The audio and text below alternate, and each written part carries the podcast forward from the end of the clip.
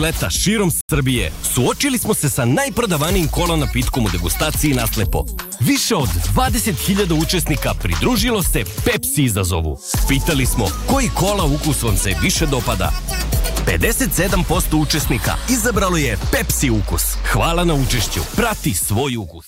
O, veliki pozdrav svim ljubiteljima američkog futbola, dobro došli u show Baltimore Ravensa, I- sa vama sam samo... Dobrodošli u 99 Yard Infinity Lighthouse Studio. Naravno, ovo je jedna od redkih prilika kada mogu da slavim što je moja ekipa prva u konferenciji. Jimmy je to opšte poznato, tako da vidite ovo Standard. nasmejano i srećno Zlatni lice standard. čoveka koji je navikao na standarda. Sa druge strane, preko puta Jimmya vidite i tužno lice u Ima i, Ma, crnini. i Vanja standard. Ima, pa da. Ali nažalost loš. Da. Slomljenja srca. Evo, Izgubio sam pogledajte, pogledajte tog mladog gospodina, sede, vlasti su krenule da niču pre Majica. 30. sve zbog ove plavičaste boje. Majica Pittsburgh Steelersa tu. Da, da. Ne znam, sam, izgubio sam čak i taj bes koji sam imao u ponedeljak. Da, da. Prošlo je previše dana sad da se dodatno Ne brini, stresiram. pa evo, sad ćemo najavimo, ćemo najavimo novo kolo pa da budeš besan malo, ali dobro. Nadam se da ste vi dobri, uh, videli ste thumbnail, sinoć je bio u Americi dan zahvalnosti, tako da smo imali dve utakmice u direktnom prenosu, tri utakmice ukupno večeras.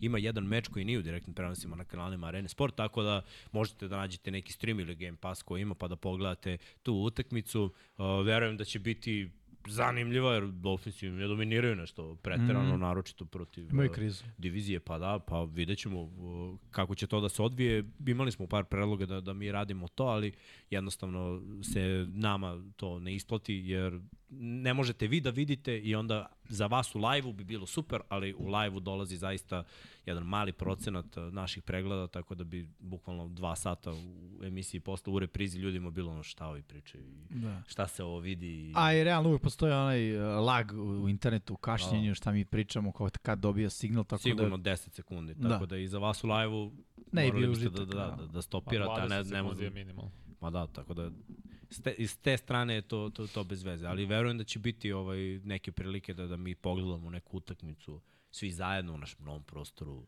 gde možete da čujete i da gledate s nama onako kako mi gledamo, da, da ne bude mm. to u etru, nego da bude samo za ekipu koja dođe. Mislim da, da je to onako neki real feedback koji vi želite i nešto što i mi naravno gotivimo, pa eto, tom, tome se nadamo. Naravno da vas pozovem da lajkujete, da se subscribe-ujete, jer tor, trojpola malu sve bliže i bliže.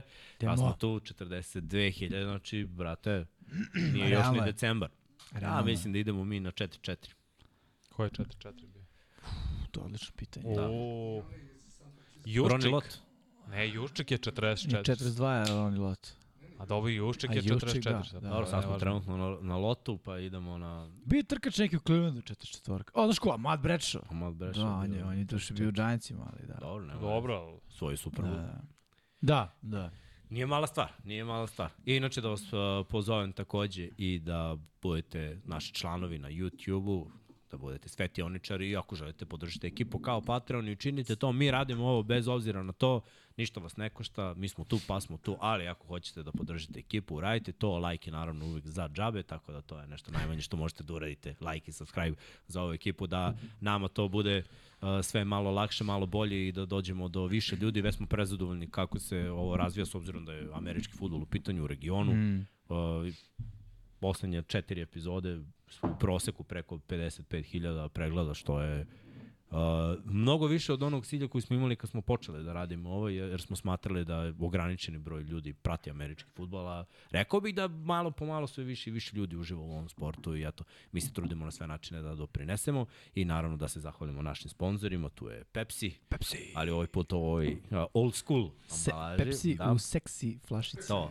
Imamo Pepsi, imamo Pepsi Max, tu je naravno i Huddle, naše pivo koje pravi dogma. I možemo polako ali sigurno da krenemo sa uh, svim pričama, sa svime što se izdešavalo. Imamo uh, naravno priču nedelje svake nedelje. Uh, prošle nedelje smo pričali o povredi Joe Burrowa, Marka Andrewsa uh, i dešao na Vostine, jer je to bio u četvrtak, pa smo mogli da obradimo to lepo u petak. A što se tiče ove priče nedelje, meni je onako na, na pameti malo otkazi. Mm Pričali smo o ofanzivnim koordinatorima, Ken Dorsey je već dobio otkaz pre prethodnog podcasta, a sada je to dobio ofanzivni koordinator Steelersa Matt Canada, I? I- tako da oni idu u jednu smeru. I danas defanzivni koordinator Commandersa, Jack Del Rio, Da, Mhm. je takođe otpušten. da. Pa, ve, pa velike greške je pravio, pre svega protiv loših ekipa, rekao bih. nije problem izgubiti od Cowboys. Manje više, to smo i očekivali. Ali moramo da kažemo da Commanders imaju 0-5 u diviziji i vrlo verovatno 0-5 koji miriše na 0-6, jer su ih učistili Eagles i Giants, znači imaju drugu utakmicu protiv Cowboysa. Cowboys. Teško da će Cowboysi ovaj, dozvoliti njima da pobede. 0-6 da imaš u diviziji, mislim, to je najgora stvar koja može da se desi. Naročito za ekipu koja je polovično prošle godine imala pozitivan skor, 8-8-1. Ove godine ne funkcioniše sve dobro, odbrana je šuplja, igrači koji rade dobar posao prestanu da rade dobar posao. O, ok, nije u redu ni suditi uzorak poslednje dve utakmice, jer su, mislim, pustili i Younga i Sveta, ali ni pre toga nije bilo sjajno. Dobro, imali su devet sekova protiv uh, Giantsa. Devet, devet sekova imati bez njih dvojice i izgubili, da. Mislim, Da, to je čak- zbog napada su nisu čak izgubili, ni previše izgubili- izgubljenih lopti. Da, nisu čak ni izgubili na jedan posed, da bude ono kao... Da, bio na kraju interception, ne znam da li da li je bio vraćan za Simons, touchdown Isaiah ne. Simons za touchdown. Ja, Da, pick da. six je bio, ali to je greške napad, imali su pet izgubljenih lopti, šest zapravo, izvini. I to se stalno dešava, znaš. I, I ono što si ti pričao da Ron Rivera može da bude sledeći koji leti, Ma da, iskreno... ovo je, ovo je predkorak, tako ja to vidim. Ono, On, ovo je Rivera- bilo, on Rivera nije trenira bio za svoj tu. posao sada. On je rekao da će on sad pozivati defanzivne akcije, on je svestan, ako se neko ne, nekim čudom ne preokrene situacija u, za Commanderse nekako da stignu, ne znam, ako sad imaju 4-7 da stignu do 9-8, hipotetički mislim da to Mm. nije ostvarivo, mislim da će dobiti otkaz. Vrlo je prosto. ima smisla u potpunosti, jer ono, šta je Novi cilj... vlasnik, Da, i, i to. u njegovom režimu doveden Bienemi, O, Rivera je već bio tu ranije i nekako svi igrači koji su bili tu ranije malo po malo napuštaju ekipu, osim ovi koji su lica franšize. Oni dobijaju produženje ugovora i Washington kreće u nekom drugom smeru. Mislim i treba. A što se Steelersa tiče, Uh, treba reći da oni redko kada otpuštaju svoje trenere, koordinatore, nemaju te tendencije. Vanja je pričao o tome u prenosu da, da se nije desilo još od drugog svetskog rata, bukvalno. Da, i tad su bili Stiglesi, mix Steelersa i Eaglesa. Stiglas. Da, da. Pensilvanija je bila jaka, ali to se ne dešava. pazi, što je najjače od svega, mislim, stvarno tri godine je taj napad prosečan i tri godine se oslanjaju na odbranu. Imali su periode kad je odbrana bila zaista katastrofalna, napad radio dobre stvari. Imali su taj među period gde se jednostavno nije znao pravi identitet da su Steelers i, i propuštali playoff, do duš ajde, imali su Daka Hodgesa i Masona Rudolfa kao quarterbackove, pa možemo malo i da progledamo kroz prste, ali realno gledano Steelersi su loši u napadu. Uh, ove godine su dobili nekoliko utakmica isključivo defanzivnim poenima i time što odbrana stavi loptu u veću crvenu zonu nakon osvojene lopte. Što je, mislim, veliki problem. Igraš protiv uh, Cleveland Brownsa, igraš sa igraš protiv rezervnog quarterbacka, spustiš ekipu njihovu na 13 pojena. Mislim, ja stvarno ne mogu odbrani ništa da zamerim. Oni izgube 13-10. Samo napad je tu pogrešio. Da, da. Koliko god da ne, ne mogu odbrani apsolutno ništa sad da im zamerim, što nisu zadržali protivnika na, na jednocifrenom broju poena. Pa to je nerealno. Da. 13 poena da dozvoliš na utakmici, ti si uradio svoj posao. Znači napad je morao da uradi svoj posao. Pritom taj jedan touchdown koji su postigli bio je screen za running backa koji je koliko? 70-80 yardi da, 70 istrčao za touchdown Warren. Da. Što znači da izuzmemo taj big play, napad ništa nije uradio. Koliko su puta su imali problem. big play-eve, pa koji je završao touchdown i Pickens imao isto big play-eve. Vidi, oni su ekipa koja apsolutno zavisi u napadu big play. Ako ih nema, ras, mislim, ono, ne, nemaju, nemaju napad, nemaju ritam i to je veliki problem. E sad ja ne znam da li će otpuštanje Meta Kennedy to baš da reši. Ali Je- negde mora da se, da Ne, se ne, krene. mo- slažem se, slažem se. Samo kažem ono, ok, ovo je dobro jer kao otpustiš ga i barem se fokusiraš na da završiš sezonu kako možeš, što najgore oni su u play-offu u ovom trenutku. Da, da. Gled, njihova odbrana i dalje može da napravi ozbiljnu pometnju protiv mnogih protivnika. Napad postiže 16,6 poena i to dobar, mislim, neki m, post- postizali su i defensivne touchdowne, ko šta se računa Što se u računa napadu, u prosjeku, mislim, ali da. opet, Bilo je dva touchdowna protiv Clevelanda. tako je. Znaš, ono, i, mislim i safety se računa bilo i toga. Da li očekujemo neku promenu ofanzivnu za Steelers sad u narednih Pa gledaj, znaš šta, da, promena već postoji. Krenula je pre četiri nedelje. U, od utakmice protiv Remsa je krenula promena. Mislim da je bilo pre četiri nedelje. Tr, možda pre, da, kad su postigli prve touchdownove Tad su prvi put krenuli da trče heavy. Mm. Znači da imaš touchdown, da u crvenoj zoni uh, pokušavaš prvo trčanjem, napravili su promenu ko je prvi running back, da najđe nema toliko nošenja kao Warren, da Warren više trči i to je bila prva promena. Druga promena treba, mislim, da se desi povratkom Fryermuta na teren, ako se to ne desi malo više inside out, jer ovo što je bunarenje s polja i ono, providne rute, mislim, vratio se i Deontay Johnson baš uh, tada, protiv, posle Remsa, ja mislim, uhvatio svoj prvi touchdown od 2019. Znači ono, dve godine. 2021. 21. Da, da. Da, dve godine, da, više lupam. Dve godine nije, a kao 19. Matematika. 2 plus 2 je jednako matematika. Ali dve godine ti najbolji hvatač ne uhvati touchdown, mislim. Imaš nekih problema. Sada treba da se krene ono, trčanje, trčanje, play action, sigurna dodavanja, malo da se uprosti to za Piketa i u stvari i za Piketa da se stavi ono što je Jimmy pričao, želiš evaluaciju, stavi ga u dobru situaciju. Mislim, nemoj da ga stavljaš u nemoj da ga stavljaš u, u situaciju da mora da bleje u džepu i prangija za Pickensa, back shoulder ili fade i da, da mu sudimo na tome. Mislim, realno gledano, svi znaju da Steelers se to rade, odbrana se sprema za to i bit će redke utakmice kada to prolazi. Da, znaš da te Steelersi neće pobediti metodološkim napadom, sistemskim napadom, dodavanjem. Ono. Može bude neka kombinacija trčanja, u stvari fokusira se da im zaustaviš trčanje i big pleve, uglavnom po, ono, po sideline-ovima i to je to. Pa sada ima prilike koliko utakmica, sedam utakmica do kraja ove sezone, makar sedam, pike da pokaže da je zaista franšizni quarterback i to je to. Ti imaš sada no. sedam utakmica, mislim da će Sullivan biti play caller. Da, Steelers imaju 6-4 skor, mislim, dobar je skor i dalje. Da, da. I opet mo mogu da reši još neke stvari. O, da da kažemo da su u diviziji, da im je ostao meč protiv Ravensa, to je na kraju sezone, to je poslednji meč. Uh, I ostali su im Bengalsi, to je već ove nedelje. Eto prilike. Odmah odgovori protiv ekipe koja je izgubila kvotrbeka, tvojom odbranom stavi mladog kvotrbeka koji nema iskustva u nezgodnu situaciju, spusti ih na, ne znam, 10-15 poena i pokušaj da daš ono, poen više. 19. Da, da, ali za početak, bukvalno i poen više, gledaj, da, da. i, to, to malo je dovoljno za početak. Ostvari pobedu, dođi na 7-4, obezbedi to u play-offu, to to mesto trenutno, Pazi. i onda radi na tome da sledeće nedelje bude bolje. Taj meč je potencijalni prvi nerešeni meč ove sezone. Kao malo bolje radim se. Ima sve što treba da ima jedan nerešeni meč. Pazi. Dva neproduktivna napada, mislim, pretpostavljam će takav biti napad Bengalsa, Ne 0-0 nužno, ali recimo 17-17.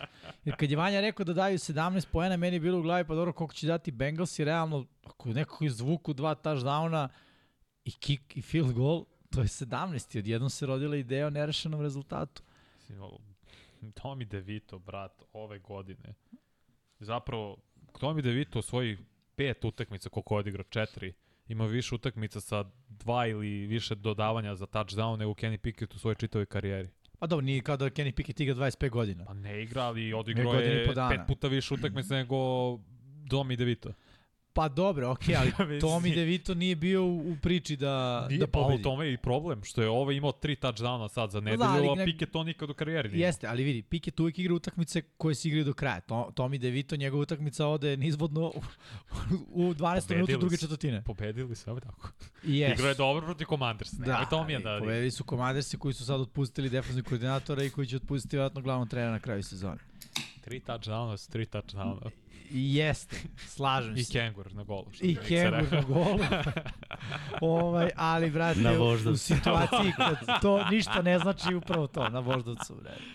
Ništa ne znači. Šta se to znači, Giants? Tommy David. Je Tommy David franšizni quarterback? Ja, ono da nije. Naravno da nije. Kenny Pickett, brate. Pa, ću, evo Ali je bliži tome. Da. Dobro, ajde. Jeste. Bliži je. Jeste, jeste. Realno je bliži. Jeste, kako nije studirao na Pittsburghu.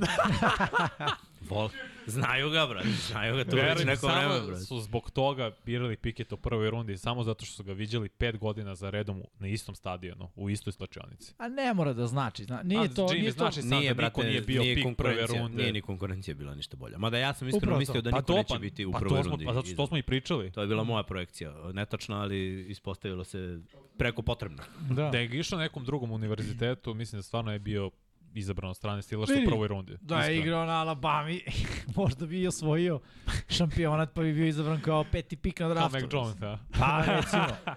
On potpuno iznenađenje. Yes. Mac Jones, one Mac and only. Jones. Srki, vreme je da, da se bacimo na posao. A posao kaže posao pregled prethodnog kola. Kreće od najbolje Pa kreće, brate. Najbolja utakmica, ne samo po tome što možda nije najefikasnija, ali najveću pompu imala oko sebe, o, najbolji timovi, trenutno Super kada je bila odigrana, prvoplasirani timovi uh -huh. u obe konferencije, vratimo se na prethodnu sezonu, ovo je bio Super Bowl, postoji rivalstvo, Kelsey Bowl ponovo, ovaj put na Arrowheadu, kiša pljušti i gledamo, šta gledamo, ajde, ajde da krenemo od početka. Dve ekipe koje, bilo je važno i za jedne i za druge da dobiju Jest. ovde, jer ostaješ prvi u konferenciji ili, znaš, ne, neki drugi timovi vrebaju. Uh, ne smeš da pokažeš probleme eventualne, koje jedni i drugi su pokazivali pre ove utakmice. Eaglesi sa nekim izgubljenim loptama, sa lošim ritmom u crvenoj zoni, slabijom odbranom protiv trčanja, slabijom odbranom u sekundariju, pošto vole da igraju man coverage malo više. A, Sredina s druge strane, Chiefsi, njihovi problemi, pa pre svega ofanzivno hvatače ne mogu da uvate ništa. Uh, takođe malo protekcija za, za Patrika Mahomesa kada konstantno i konstantno dodaje jer odustanu od trčanja. Malte ne, sve smo to i videli na ovoj utakmici. I za jedne i za drugi. Uh, Chiefsi su bili bolji u prvom poluvremenu, svih ovih 17 poena postigli su u prvom poluvremenu. Uh, trčanje je bilo dobro u prvom Mm. poluvremenu, ne mogu da, da, da zamerim. Imali su drive-ove, vozili Imali su lopte. imali su napade, imali su opet, uh, rešavali su Philadelphia man coverage. Mhm. Dva touchdowna koje su postigli, bila su greške jedno na preuzim, u stvari oba na Oba, preuzimanju. Bayard je Mada ovo drugo oba. nije bilo preuzimanje, nego je bio pick play. Ni, nisu ni želeli da Ali preuzmu. oboj, u oba slučaje su bili Bayard i Slay u pitanju. Jer je Slay prvo čuo Watsona, signalizirao Bayardu da preuzme, Bayard je ostao ukupan kod prvog touchdowna, kod drugog je bio pik, mislim, a, i akcija koja je zapravo i bila ilegalna. Mislim, vidi, da se razumemo, ofanzivna šema je da se upravo to desi. Tako Da. da, hoću da kažem, znaš, na, napad, na, napadnuti su na, ono, na, protiv toga što rade, napadati su na najbolji mogući način. Da, tako kao da se prošle godine u. Superbolu, vidio si šta ne znaju. Mislim da akciju su Vidio si šta isto. im je nelagodno i Mm. ponovi. Da. Odigrali su istu akciju, jel? samo isto je bio touchdown, samo što je ovoga puta bio touchdown na tight end, to je bio Watson beš. Ne, ne. Uh, šta? Watson za je prvi touchdown? hvataš, Da, da, da. prvi Watson, touchdown. Da, Watson. kroz. Hva, lagano. Da. da. Hvataš, nije... Hvataš, hvataš, Da, hvataš. okej, da, moj da. glavi on je tight end ili Isto, verujem, nosi isto. broj Nek, par puta u 84. prenosu kao gledam, aha, Da. 84, malo Ali bio je onaj motion koji je na kraju otišao s polja, koji je ovoga puta pokupljen od strane Eaglesa. Kako se zove taj ten drugi Chiefs, 83? Grej. Gray. Gray, da, jeste, Gray. bra, njega njih dvojicu meša stalno, da. O, ali šta smo videli ove, ove nove utakmice od Chiefsa? Odlična odbrana. Jeste. Jedna od brutalnih Ali u godine, cele godine je tako. Cele godine, Znaš, i slažem ajde, se. ajde da pričamo malo o greškama. Jedan i drugi quarterback su bacili interception. Mhm. Uh, Mahomes u crvenoj zoni, možda malo skuplji. Uh, s druge strane, Jalen Hurts na jednom nesporazumu sa AJ Brownom.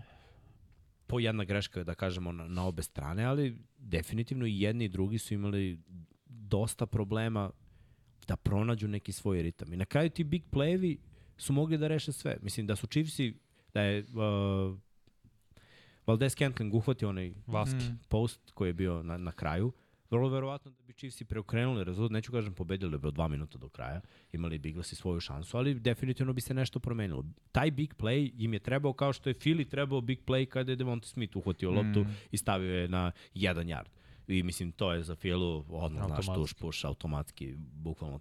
Bi- Bilo je dobrih momenta, videli smo definitivno da ovo može i vrlo verovatno će i biti opet Super Bowl, ako se sve desi kako treba za ove dve ekipe, jer bez obzira na sve greške, ove ekipe svojim kvalitetom mogu da reše neke druge protivnike. Svi imaju probleme u NFL-u, nekako delo da ove dve ekipe imaju najmanje problema. A znaš šta je problem. Chiefsa? E, konstantno nekonstantna igra hvatača. Konstantno isti problem. Najviše, E, znaš, najviše ne može da kažeš lupan krivi Toni. Toni je ovu utakmicu odigrao jako dobro. Jeste, dobro. Ali Valdez. Scantling ispuštao lopte. Watson, kroz Watson ruke, ono, loptu, na trećem znaš. pokušaju. Gle, mene je začudilo što pljušti kiša, svi nose rukavice. Ono, Mm. znamo kad je natopljena lopta Ma da, i, i rukavice, skidaš. mislim, hvatanja se rade u shoulder pad. Ako ne možeš da hvataš u shoulder pad, a mislim, znaš da neke lopte nećeš moći jer mora da napadneš rukama, skineš rukavice, jer ovaj, nema trenja uopšte. Mokra guma, kroz, ono, mokra koža, natopljena, nema ništa da, da, da zustavi. Zvuči kao neka strofa neke pesme. Ma, ja, sad piši odmah, zapiši sad. Daj mi laptop. Evo ti. Srki, pusti bit.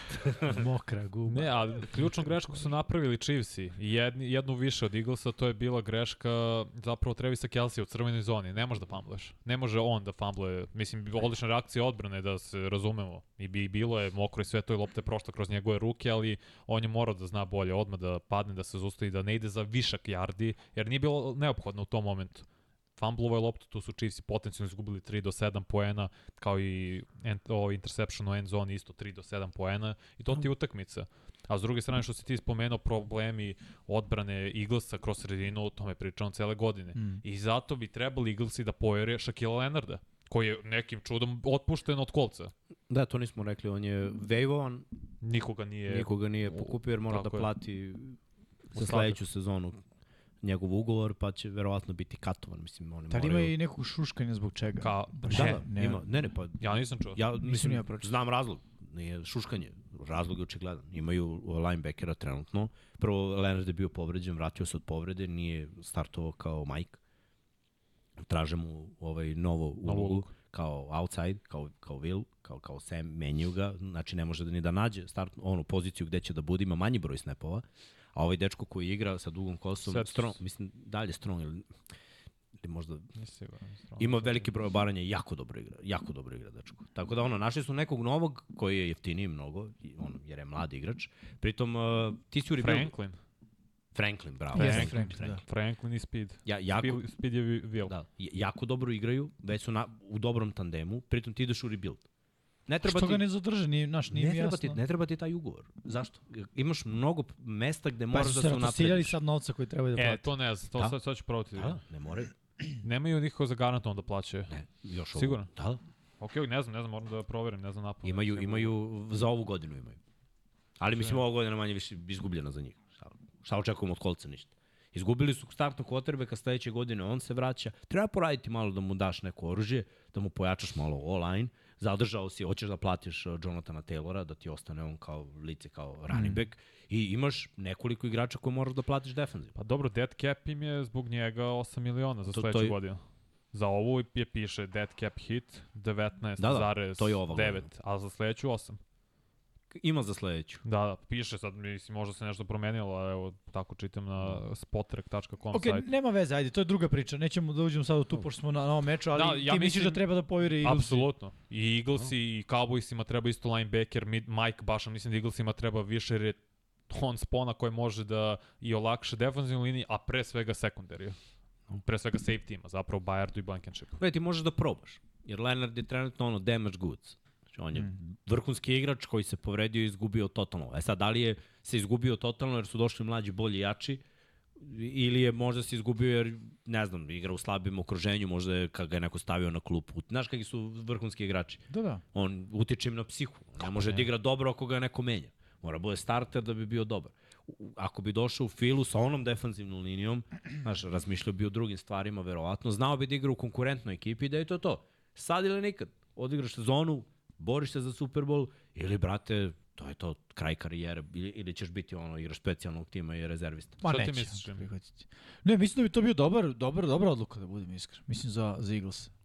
E sad je pitanje ono, novca, definitivno. Pritom, i ako se Bolton ne vraća za Chiefsa, i to je moguće, i Chiefsi mogu da ga pojere takođe, da kao dubinu na poziciji linebackera. Da. Mislim, na kraju sve te ekipe kojima fali ono malo, treba im dubina na poziciji. Mm. Po cenu, znaš, ono, ti platiš ceh, zapravo on je sad slobodni agent. Tako I je. oni ne moraju plati ništa. Kad ga katuju kolci, ni- niko ne mora plati ništa. Znači, platit ćeš mu ugovor do kraja sezone, šta znam, neku siću. I njemu je bolje da dobije dve milke, nego da Blake će za nula dinara. Maltene veteranski minimum, jer i verujem da će on tražiti sada oz, ozbiljno playoff ekipu, ti kad pogledaš i NFC, AFC, neop, ima nekoliko timova kojima je zaista on neophodan, možda čak i eventualno Dolphinsima da ga pojure, Lionsi za dubinu njima jer imaju oni Pazi, palinke. možda Aha. si ga namiri sa odlično su Eaglesi danas katovali Dereka Barnett. Otvaranje prostora na rosteru. Realno. Tako da uopšte me ne bi I čudilo. baš to što si ti rekao, Cowboys i Eaglesi Mm. se očekuju da... Kao da, mi ovaj, se da jasno kao dan da je neophodan Mike. Da, da, da, slažem se. Sve Ali te- evo, Eaglesi su već napravili prostor. Znaš, Da, kato Ju- treba da jure. Sve te, sve te ekipe koje, mislim, idu u play-off i sigurno, to ovo su ekipe koje idu u play-off. Treba ti dubina na svim pozicijama na kojima nemaš dubinu. Mm. Odradi to sada dok možeš sa slobodnim agentima. Sad će sve više biti ovih katova od strane ekipa koje, znaš, on, ne rade ništa. Sve će više biti ovoga. Wave, cut, slobodan agent. Pazi, To se Billsi, dešava svake godine. Billsi takođe. Dotson igrao dobro na poziciji linebackera, stvarno iznenadio me, ali e, njima potrebna dubina, jer nema više ni Mil- Milana. Slažem se, ali neće bilo si daleko. Ne Inače, inače da kažemo, Dobro, ne, slaže, samo jedan od rekih timova, jer nema puno timova kad pogledaš, Baltimore realno ne treba, ti mi ispravi ako grešim. linebacker, ne.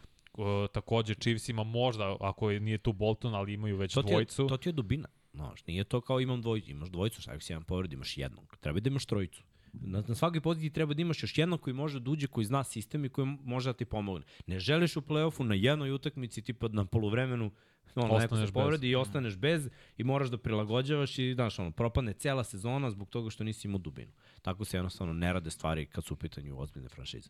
Inače, Eagles imaju 9-1, prvi su u NFC-u, Chiefs sad imaju 7-3. Prva ekipa NFL. I, Tako i, je. i drugi, tako je. I drugi su u AFC-u, sada su Ravensi na prvom mestu sa skorom 8-3. I ovaj, njih tek čeka baj. Uh, kako vam izgleda Hurts? Mislim, ti i ja smo radili utakmicu, meni Pa delo ne, je da je... on delo je ozleđeno već Tako neko je. vreme, ali Ne, ne, stvarno delo je da je u bolim i ta trčanja koje su stvarno izgledala eksplozivnije prošle godine, na primjer Dobro, i i pre dve. promenjen je e, pristup njegov, nema potrebe da dobije udarce. Ne, ne, nije to mi je jasno, nego generalno kada krene da trči, kada mora, stvarno mi delo je za korak sporije. Da se muči, da ga nešto muči. Videli smo da nosi Muči ga ortozu koleno, na mislim. levom kolenu. niko ne nosi ortozu zato što mu je lepo. Znaš. Nego zato što te nešto muči. Da, I da. očigledno postoje kalkulacije. Ma dobro, nije to ništa novo. Mislim, igraju u NFL, Mahomes šta, igra Super Bowl. Ima prošle par, godine. par ovi, evo, na primjer, ovde dva kvotrbeka i dodaću ono, još 3-4 Herberta, Alena, Lamara, oni su pokazali u svojim, to su mladi kvotrbekovi koji su pokazali u dosadašnjem delu svojih karijera da igraju kroz povredu. Mm. Znači nema tu ono kao, ja, boli me i uh, to je krivo što smo izgubili. Ne, brate, to... Svi su povređeni. U ovom trenutku u sezoni niko nije 100%. Niko nije 100% zdrav. Znači, nema igrača na, ni Da. na jednoj poziciji koji može da kaže ono, Ništa Uva sam svež danas, brate. Ono, ustao sam i piju, piju, ciju, ciju, crkuću, ono, ptičice i sve mi je lepo, brate. Nema toga. Sve te boli, ideš dalje, guraš. Još malo je ostalo do kraja, daš 100% i, i ćao. Ajmo sad na drugu. Ajmo na drugu tekmu. Ova je bila stvarno dobra, a ovu sam izdvojio zato što Uh, ima, impact, ima impact na playoff. Znači, izdvojene su utakmice koje imaju impact na playoff. Uh, Seahawksi su izgubili i sinoć u toj uh, Thursday night football utakmici od uh, 49ersa, što je bilo apsolutno očekivano. I uh, sada su vezali još jedan poraz. Pritom, očišćeni su od strane Remsa.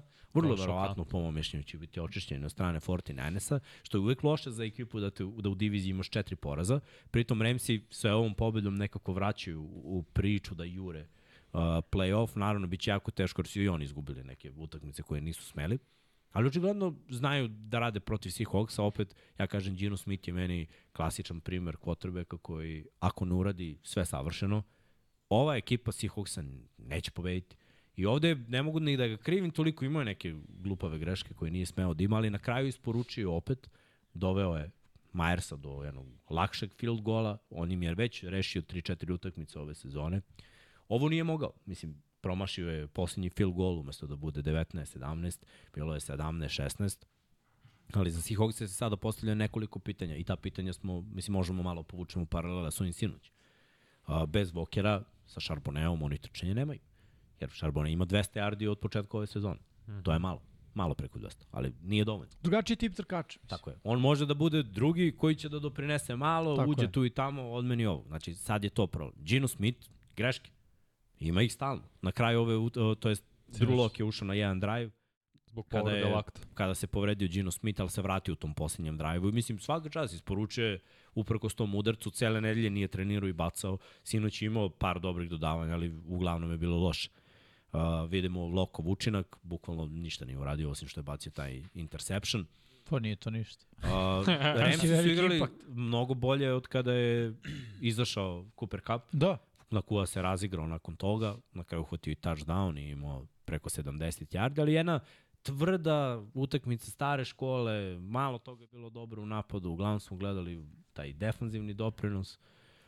I ono što što sam pričao, ti i ja smo imali ovaj okršaj pred tri nelje između Cowboysa i Seahawksa. Mislim, vidiš, Seahawksi su ekipa koja će ući u playoff na kraju. Ne znam kako to je. Pete Carroll, magija. Pitanje je. A to je odbrana. NFC. Ma, e. NFC je loš isto. Jeste. Znaš, oni mogu NFC-u da, da, da se izbore nekako i da uđu u Dobro, play. Jer su da. druge ekipe mnogo loše. U, u trenutno su u Huntu ekipe 4-6. Mm. Znači oni sad već imaju dve pobede više. I pobedit će još nešto do kraja sezone. Mislim. Pazi, za sad izgleda sam pogrešan, makar za Seahawks i Cowboys izgledaju dobro protiv loših ekipa, ako ništa To je drugo. razlika. Cowboys izgledaju dobro protiv loših ekipa. Tako I je. tako će napraviti neku priču. Seahawksi Izgledaju izgledaju prosečno. protiv, gle, izgledaju jako loše protiv dobrih ekipa. Sinoć, na primjer. Sinoć što su postigli ove pojene bio i defanzivni touchdown. Jeste bio je pick six. Ja sam im dao dana. 7 poena max. Ovaj sinoć baš drugarom pre što on platio Tigri, ja mu rekao preko neće neće da ode preko Jel 6 bio poena za, za. Nije pa probili su oni. Ali je bio hendikep svakako. Da, da. Jer, jer su ih ra razvalili 49ersi. Ravensi su ih uništili. Ja ne znam kako Ramsi su su ih oni- uništili u prvom kolu. Ja ne znam kako su oni pobedili Dal, o, pardon, Detroit u drugom kolu. Ali imaju Kako? nešto, imaju nešto protiv Detroita. I to je, znaš, svaka ekipa ima nekog, svaki superheroj Ima Ima- i, i, ima, razumeš, i, Mm. i za njih je to očigledno Hmm. Seattle za Detroit. Evo ga raspored Seattle Seahawks. Sledeći nedelje Cowboysi. Da, da. Pa, realno, priča- to, je ono što, to je ono što smo pričali pre tri nedelje, bukvalno doći će trenutak kada će se suočiti s Cowboysima. Cowboysi će da ih hoće naročito bez? Walkera. A, Gde god. da, da, Jerry World. da. Pazi Gde dalje. Pazi nakon toga, opet 49ers. Tako je. Kako? U je- San Francisco. Tako Pa je. imaju Buffalo baš. Eaglesi, Ja, da. Titansi, Titansi. Steelersi, Cardinalsi. To Znači, ovako, završavaju malo te tri, ako možda reše- mogu. Ako se e, Steelersi trgnu ofenzivno i to će biti čupavo. Naravno. Hoće. Tako da, ono, realno od naredne 8 ili tri 9 pobjeda ove utakmice, sezone. od tri, naredne tri utakmice zaista miriš na tri poraza. Da, Dallas, Tako je. Cisco, Fila. Da. Još, pa Dallas kod kuće nije izgubio koliko sad, 12-13 utakmica za redom i postižu skoro 40 pojena kod kuće, što je suludo u tom Ne nizu. Seattle to po tome parira. Znaš, ne može No, Seattle ne, da ne može parira. nikako. Gledaj, ne može- na to Ne pritisak. može, ne, ne, ajde, Koji će da Gino zbuni Gino Smith. Gino Smith, Jared Goff su dva quarterbacka koji pod pritiskom apsolutno ništa ne mogu da urade. Menjuju svoje odluke, krenu sa panikom. Znaš, jako loša dodavanja imaju. Za quarterbackova koji su veterani, to ne bi smelo da bude tako. Trebalo bi da imaš neku dozu sigurnosti i, i da rešavaš te situacije. Pritom, Cowboysi kad budu igrali protiv njega, pričat ćemo malo, mislim, Cowboysi imaju najviše osvojenih lopti. U poslednje tri godine imaju najviše osvojenih lopti. 84 Da je osvojene lopte. Blenda, brate. Oni su nerealni. Blend. Blend ima pet Rekord, pick six Rekord NFL-a za jednu sezonu. Pritom, ono, gledao sam uh, priče kako treniraju, ona, ono, odbrana trenira sa, onom, mašinom za ispaljivanje lopte. Da, Da, da Pa tako ne igrače- prognoziraju da gledaju quarterbacka, nego da vežbaju ono reakciju u poslednjem trenutku na loptu. Tako igrače draftuje Dan Quinn sa koleđa. Dan Quinn One je, koji imaju osvojene lopte na koleđu, jer misli to će da se pr, ovaj, Reflektuje NFL. reflektuje na NFL. Tako je. Dan Quinn je daleko tri dobra startera od toga da bude ubedljivo najbolji defanzivni koordinator u ligi. Daj mu krštenog linebackera, jednog, vrati mu Trevona Diggsa sa blendom u, u kombinaciji i dodaj mu samo jednog defanzivnog tekla. Čisto da ono ne pucaju na Popuni- trčanje. Pošto Ali od Igizua igra dobro. Igra, ali brate, sileđiska ekipa može da mi strči 300 Jeste, yardi. Dokazano jedan već Sileđe iznova. u sredinu, pravo. Znači, samo to da ima Znaš Dan da su Quinn. draftovali Cartera. Pš, to je taj lig, brate. Brate, A, to je taj lik. bilo To bi bio. Dan Quinn bi dobio ono, bukvalno coach year, jer stvarno ono što radi je nerealno. A Ali hoću, dobro, idemo ovde na... Hoću na... o Ramsima samo Ajde. kratko, jer Mhm. Ramsi, svaka čast Seanu McVayu, koji posao on radi, jer Matthew Stafford igra katastrofa ove godine. Ispod 60% kompletiranih dodavanja, passer rating mu je oko 80, što je najgore od 2012. godine za njega, ali neka, pravi neka čuda uprkos tome što loše igra Stafford i zato hoću da izdvojim ono par minuta za McVay, pronašao je puku na ku, pronašao igru trčanjem, vratit Vanja, će se znaš zašto, Williams. izvini, uh, nije Mhm. pronašao puku na kuvu. Uh, povredio se Cooper Cup. Opet. Realno, ja McVeju zameram što ne koristi puku na ku dovoljno. On na ku koristi kad Cooper Cup ne igra. I to nije fair. Momak kida kako igra. Realno. Kad je Cooper Cup bio povređen u prvom delu sezone, momak je oborio rekord. Brate, ne možeš momka koji, koji je na pragu da ono iskida rekord u ruki sezoni, kad se vrati Cooper Cup da mu kažeš ono sad imaš tri, tri Dobro, prve dve utakmice kad se vratio Cooper Cup i igrao i na Kua dobro, Ma imao je svoje... Ta, nije isto, ne, slažem s tom, nije isto, nikad neće biti isto, ali ono što je i radi sa Kyrenom Williamsom dok je bio zdrav, sad će opet, čim se vratio sa Ajara, Mhm. mislim da će opet proigrati igra trčanja, jer i sa ofenzivnom linijom koja je krš, da se razumemo, ofenzivna linija Ramsa ništa skoro ne složi, ali njegovim šemama donekle olakša situaciju potrebe koja Stafford očigledno je doživeo ove godine ozbiljan pad u svojoj igri. A, brate, i nije igrao nekoliko utak. Mislim, nji- njih je dobio Green Bay, jer igrao Ripen koji bolje, mislim, iskreno igrao je toliko dobro kao da smo mi stali na, na igrao. Pa, dobro, to je svako apsolutno Toliko dobro igra da naredne nedelje nije imao posao. Bukvalno. Došao Znači. Ono je jedno, Katon, na, Da, te utakmice. jedno najgorih predstava jednog kvotrbeka koje sam To vidio. nije ni u predstava, posljednj- to je prestrava. I, I to što kažeš. Jeste. Ja bilo ajmo dalje. grozno. Evo, užas, užas. Ali dobro, ima nade i, za jedne i za druge da se nađu u play-offu, zato je ovo izdvojeno. A za Rams je vrlo važno jer su dobili dva puta Seahawks Da, i NFC. pazi, ako se bude desilo nekim čudom da obe ekipe doguraju do osam pobjeda, bi A oni imaju, dalje. imaju Tiebreaker. apsolutni tiebreak. Čekaj, ko je, ajde vidimo onda, kad smo već kod toga raspored Ramsa. Kad Ajde, već. Srki, ti pusti, pusti pusti sledeću da vidimo šta je. Ja. O, hvala ti. Znam, ja. zašto. Cardinals. pobedio Brownsi, zaista sumnjam protiv ove odbrane, Ravensi takođe, Commandersi, Saintsi, Giantsi i 49ersi. Nije nemoguće četiri pobjede izvući Commanders, sad. Saints i Giantsi, da, realno, to su tri sledeće. Ja nedelje. Arizona ove nedelje. Da. Biće, Znaš, mogu četiri moguće, da naberu. da. moguće, biće teško protiv Saintsa, mislim da će tu biti najteže, jer i Saintsi brate, jure playoff Ali da li je realno da, brate, da ono- idu u playoff sa negativnim skorom? brate? 8-9. Pa imali bi 8-9. Misliš kao wild card?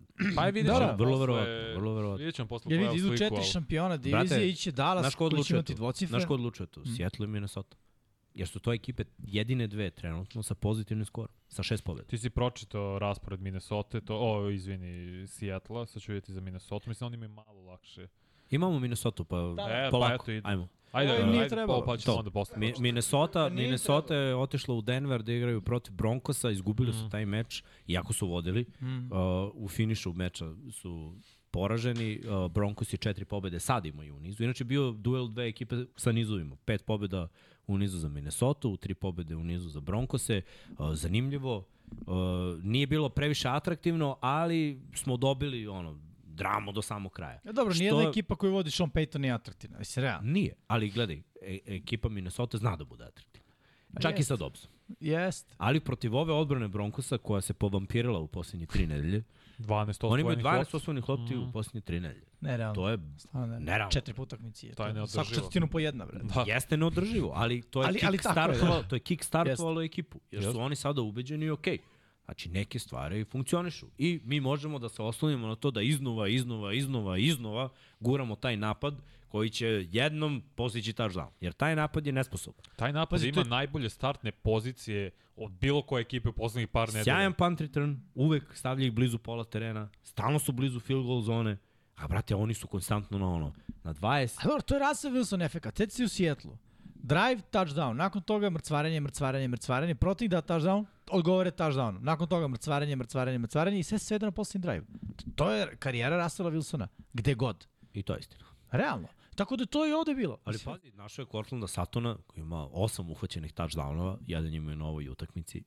Uh, Simajđe Pirajin se koristi jako na ovim screenovima, što mm. Zna da zbuni odbranu. Minnesota je takođe odigrala dobro defanzivno, njihova odbrana je dosta podcinjena, lepo igraju jedni i drugi defanzivno. Jesu, ali Minnesota igra u trčanje, proigrala napokon 175 yardi na 36 nošenja. Znaš koji je glavni razlog? Rekli smo, Mattison ne može da bude lead back, ali sa Chandlerom i kombinacijom, Jeste. odlično. I pritom doda i read option, jer je pucao Jeste, i na ovoj utakmici. I počeli su sad sa Dobson da radi Wildcat, da ga pošalju. Mogućno sa Kirkom to nisu radili, Pa da nema, uglavnom Chandler dobio loptu direkt i da onda Sad on imaju trči. drugačiji izgled, znaš, Vikings, Mhm. ali opet mogu, iako ih čeka težak raspored, zahvaljujući toj odbrani, i tom ne, sad je nepredvidiv napad, ti ne znaš šta ćeš dobiti. Ako se vrati JJ, znaš dve stvari. Dva hvatača će imati ozbiljnu separaciju i morat ćeš da pomogneš i onda Hawkinson ostaje sam, a pritom mora da paziš na igru trčanjem i znaš da će odbrana da vrši pritisak na, na protivničkog kotrbe kako ofanzivna linija te ekipe nije dobra. Minnesota je opasna ekipa, ona će diktirati Ja sam ih i vidio u play-offu, naravno mislim da će Kazens igrati. Ubeđen sam da je Kazens bio sve vreme tu da, da bi oni ušli u play-off. Chicago, Pobedivo. pa bye. Što je cool. Uh, Las Vegas Raiders, Pobedivo. pobedivo. Bengalsi bez Joe Burrowa, Pobedivo. pobedivo. Detroit, Green Bay, Detroit. Gledaj, To je divizija, to mora dobio ako hoće da idu u playoff. Mislim. Gledaj, Mnogo Barem lakši ono- raspored nego u Seahawksima. Ajde, Jest. krenemo da. Tako. Evo, već smo rekli tri pobedive utakmice Ajde, i dodaj na to i krenemo Green Bay pobediv. Realno. Pa im i Detroit i jednom. Detroit je ako igra ovako. Jeste, ali aj ako kažem, ih napadneš na način na koji ih napada, mislim, gledaj, Green Bay ih je jako lako dobio. Jeste. Zašto? Zato što su ih napali na sve moguće. Znači, šta je cilj? Prvo, Minnesota ima vrhunski pritisak. Jared Goff. Pritisak. Jeste. Uh, Ravensi su pokazali kako igrati protiv njih. Heavy Blitz, to je Brian Roka i Flores. bliceve sa svih mogućih pozicija kreativno, da Jared Goff ne zna šta se sprema, ali kada vidi, ta lopta ide u zemlju, intentional grounding, interception, fumble, imao je Goff sedam izgubljenih lopti u posljednje dve utakmice. Nije 7-6. Ono je bilo uh, Greg, k- Craig Reynolds imao Dobro, fumble. šest. Malo li? M- Mnogo je. Mnogo je. Tri po Da mu ne dodam još jedno. No, ajde, nećemo mu dodati. Ali to, to je isti problem ima Dobbs, koji ima četiri u tri utakmice i to će zavisiti Minnesota i playoff priču. Oni moraju da smanje broj izgubljenih lopti. To ih je koštalo na početku godine. Skoro svaku utakmicu su zbog toga izgubili i sada su izgubili od Denvera što je Dobbs imao tri izgubljene lopte.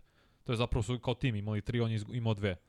Da li je fumble bio, da li interception, čini mi se da je fumble i Metiso jednom. Ne sme to da se dešava za Minnesota, jer oni nemaju taj prostor i luksus da priušte kao što je mogu Detroit protiv Chicaga, da izgubi pet lopti pa da ih stigne. Minnesota to nema. jer se desila ova situacija da Denver nekim čudom nešto izvuče nerealnim hvatanjem Satona jednom rukom u end zoni i tako pobede. No. Samo zato što su im ovi dali priliku. Dobro, gledaj, Minnesota ima stalno takve neke poteze. Ono, Dobbs istrči šest ljudi ga promaši i ono, preleti dvojicu za touchdown. Su bre imali najveći comeback u istoriji NFL-a protiv Coltsa pre dve godine. U, to je Prošle Minnesota. Prošle godine, da. Prošle da. sezone, da. Minnesota, To je Minnesota, ima da. ono, isto te Jeste. poteze i ludačke pode. Jeste. Protiv Billsa Justin Jefferson, šta Da. je uhvatio te, bra? Da. Mislim, on se dešava jednom u 50 godina. Može. ako, Ako- ako, ako ispružio i-. I ono, ako nije ni u A sto. pazi za Broncos, imaju Lionse, Texanse i Brownse. Znači, Dobro. u- za AFC ti moraš makar jednu od teh ekipa pobede, što je veoma teško. Ali imaju i svoju diviziju, koja je ruku na srce, je Krš. Boga piti. Aha, A dobro, Mislim- su Chiefs. Aj, jedan jedan imaju s Chiefsima. Tako je. Da. Znači oni su odradili svoje. 50% Uhvatili protiv najbolje Holmesa ekipe, Na bolest. razumeš? I sad imaš Chargerse i Raiderse, to je ono, neistražena teritorija, možda dobiješ, ako budeš igrao ovako, možeš da ih dobiješ. I jedni i drugi. I to te stavlja u poziciju da, da se boriš. Naravno, vidjet ćemo razvoj u AFC-u drugačije, jer u AFC-u će ti trebati više pobjeda mm. nego u NFC-u. Zato je za Minnesota kaže da oni da dođu do dve, tri pobjede, da dođu do tri, do devet ukupno. Da Oni su sigurno play-off Da, s da. 9-8. Pa, da. U AFC-u da AFC-u nije sigurno s 9-8 da, Da, si u da. play Trenutno su sve ekipe sa 6. Biće ključno na ovaj, sledeće kole Browns, i to ćemo pričati kasnije, pa Texans je u gostima, pa Chargers je u gostima, pa Detroit u gostima. No. Taj raspored tri utakmice u gostima će zapravo presuditi sezonu na kraju za Denver Broncos. Mm. Ajmo dalje, Srkane. Ajmo. Imamo još jednu izdvojenu, pa ćemo malo pričati o ovim drugim. Steelersi protiv Brownsa, opet playoff implikacije. Brownsi sa rezervnim quarterbackom pobedili, pričali smo o otkazu Meta Kennedy, ali opet uh, ono što odbrane rade na obe strane i stavljaju situaciju da donekle diktiraju taj playoff. Jer i jedni i drugi imaju uh, sekove, iznuđene greške protivnika, uh, osvojene lopte. Diktiraju gde će protivnički napad da završi i onda svoja njihova ekipa ima bolju poziciju startnu. Jer ako ih zatvoriš 3 and out na njihovoj polovini, duboko na njihovoj polovini, unutar 20, te i dobiješ loptu malo preko pola. Treba ti 30 yardi za field goal i onda, bez obzira na loš ofanzivni ritam, ti možeš da pobediš na kraju, što se ovde i desilo. I jedni i drugi imaju dobre kikere i to sad moramo da uzmemo Dustin u jednačinu, Hopkins, jer i Hopkins i Boswell. Boswell mogu da pogode sa velike udaljenosti. Za razliku od Laca, koji je malo, malo pa promašaj, za razliku od uh, Besa, za Bilse, koji oni su isto utrci, da ih ubacimo u priču, koji isto može da pro, promaši s vremena na vreme. Al Green, Da, imaš Carlos. jednostavno kikere koji nisu dovoljno sigurni to. Gledaj Houston. Houston vrlo lako može specijalni tim da zakopa. Fairbairn se povredio, Da. imaju Amendolu, to je isto ono, možda budu u nekoj utakmici bili na field goal. Imaju Dareta, bet, nema tako. A, imaju Daret. Gubavale, brat. Pa Ne može Kenny Pickett ima do treće četvrtine, malo do početka četvrte 54 yardi dodavanjem, a odbrana omogućava toliko dobru startnu poziciju stalno. To je zva, zaista neprihvatljivo. Kogod da ti je koordinator, kako možeš da imaš toliki mali broj o, yardi, a da nemaš izgubljene lopte? A razumej da pogreši, pa gre jedna greška, druga, pa ali to nisu greške, nego 3 and out, 3 and out, 3 and out konstantno. I onda Novajlija, Dorian Thompson, Robinson na kraju ima četiri ključa na dodavanju u poslednjem drive-u. A on to ne bi trebao da uradi, jer to bi trebao Piket, da bude što je i rešavao Piket, imao je momente, ne kažem da nije, ali ovo je baš bilo neprihvatljivo. Pohvala, pohvala za, za, za DTR-a koji je, mislim, odradio posao. O, o, drugi start, prvi start protiv Ravens je bio toliko užasan, mm. ali očigledno, znaš, treba, treba te mlade potrebe koje nekad baciti u vatru. Čisto da vidimo od čega su napravljeni. I da li mogu da napreduju. Znači, s koleđa dođeš u NFL, igraš protiv jedne dobre odbrane i ona pokaže da ti nisi spreman. Na drugoj utakmici si spremniji. Nisi ti dalje spreman da igraš u NFL-u. ovde. Da, da, to hoću kažem. Ali vidiš ko je napredak. Znači, od toga da nisi spreman, došao si da budeš spremniji. Nije savršeno, igrao je prosečan meč, ali mm -hmm. na kraju je isporučio kad je trebalo. Što znači da postoji neki napredak. Sada za Brownsa postoji ta nada da on može da napreduje iz nedelju u nedelju više. Ima dobrog trenera, ima dobru šemu, ima sjajnu odbranu, ima dobro trčanje i dalje, ima najjaču ofenzivnu liniju, po mom mišljenju, u NFL imaju Cleveland Brownsi, što su dokazali iznova i iznova. Da, malo se, po, oni su se povredili. Jezu, ali brate, i dalje gazali, i dalje gazali. Ja bi Miles lome pohvalio. Miles Garrett je Garrett MVP igrač godine. Ne, meni ono MVP priče. Jer Pa. nemamo sada nekog, sem, ok, Prescott se sad polako izdvaja, McCaffrey bi ponovo vratio, ali Miles Garrett apsolutno treba u toj priči da bude. Na način koji on igra, koliko utiče na protivničke napade, je zaista impresivan.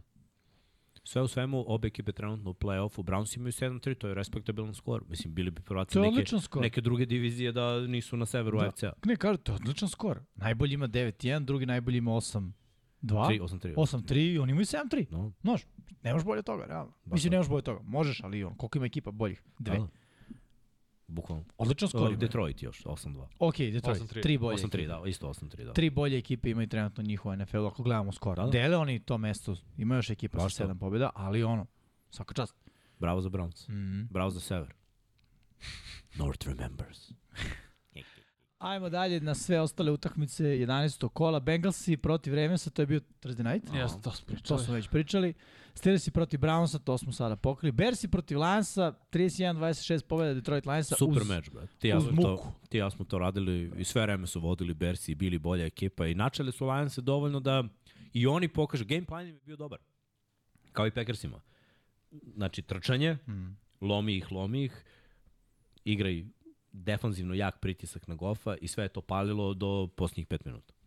Kada je Goff imao dovoljno vremena i kada ih je rastavio, bukvalno dva touchdowna su im dali i onda ofanzivna linija ne zaštiti Filca, još i safety na to i delo je ovde Detroit odradio posao. Nisu odradili posao. Nisu. Realna priča je da su postigli ono 17 poena za 5 minuta. Vidi, i ako uzmemo u obzir i ovu nedelju, tu se vidi pad igre u igri Detroita, što je normalno. Znaš, imaš osam pobjeda. Svaka ekipa mora padne kad Tako je, imaš osam pobjeda, od čega si ono, ovu poslednju jedva izvukao, trebalo je da izgubiš. Sad su izgubili i to je za njih, da kažem, zdravo iz perspektive ono, nastavka, nastavka sezone. Zdravo je da ti ukaže na neke greške, da se malo uzdrmaš, da se ono uozbiljiš i da pristupiš svakom narednom meču maksimalno ozbiljno. Pa Sa fokusom na protekciju lopte. Da, Pa to je na Goffu, on prvi, prva ekipa ove godine da je gubila sa minimalno 10 razlike u poslednjih 4 minuta i da su pobedili. Eto, to je, niko nije uradio, ali ovo je bio najbolji start, pošto su inače izgubili za Lions od 62. godine. Svako je super stvar i dalje su favoriti u svojoj diviziji, ali moraju diviziju sada da reše. No. Inače, utakmica sledeća, dajemo ti monolog, zaplači. Chargers Packers. Svaka čast, Srki, svaka čast, Srki. Po tvoji Green Bay Packers su pobedili. To nema šta da kažem. Bukvalno sa bes iz mene ispliva u ponedeljak i sam izduvo sam se od tog momenta. Jer ono što oni rade, čak i, i Keenan Allen me razočarao. O, dve lopte je čovjek ispustio jednu end zoni, drugu na 3 yarda od end zone. Ekeler fumble je čovjek na 3 yarda od end zone. Quentin Johnston nap, napokon napravi separaciju i ispusti čistu loptu od Herberta. Brandon Staley, njegova odbrana je spasila karijeru Jordana Lava koji je dečko proigrao, procvetao i imao preko 300 yardi odavanje.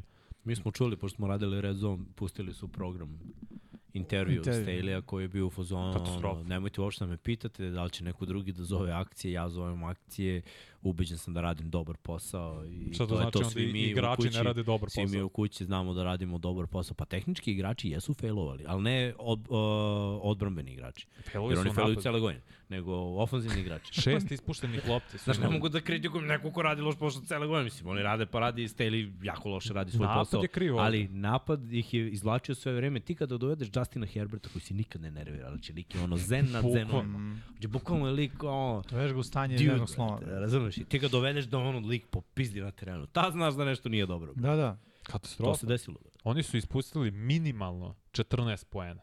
I uopšte ne preterujem. Jer on dva, dva hvatanja Alena ili bi bili 7, Mhm. a zadovoljili su sa 3 poena. Ekeler fumble, tu su izgubio 3 do 7. Quentin Johnston minimalno field goal imao je i livadu za touchdown. Minimalno 14, a realno si ispustio 20 poena na utakmici, a izgubio si 23 20. Peta utakmica ti gubiš na 3 poena ili manje ove godine. Malo te peckaju ovde sad I u treba peckaju, ali meni je žao Herberta, stvarno. Da dečko i, pre, i ima najviše yardi trčanjem i sve odradi kako treba, samo da lopta prolazi ovako kroz ruke. Da Keenan Allen ne uhvati, koji jako ima dobra utakmicu, ali on je neprihvatljivo. Da.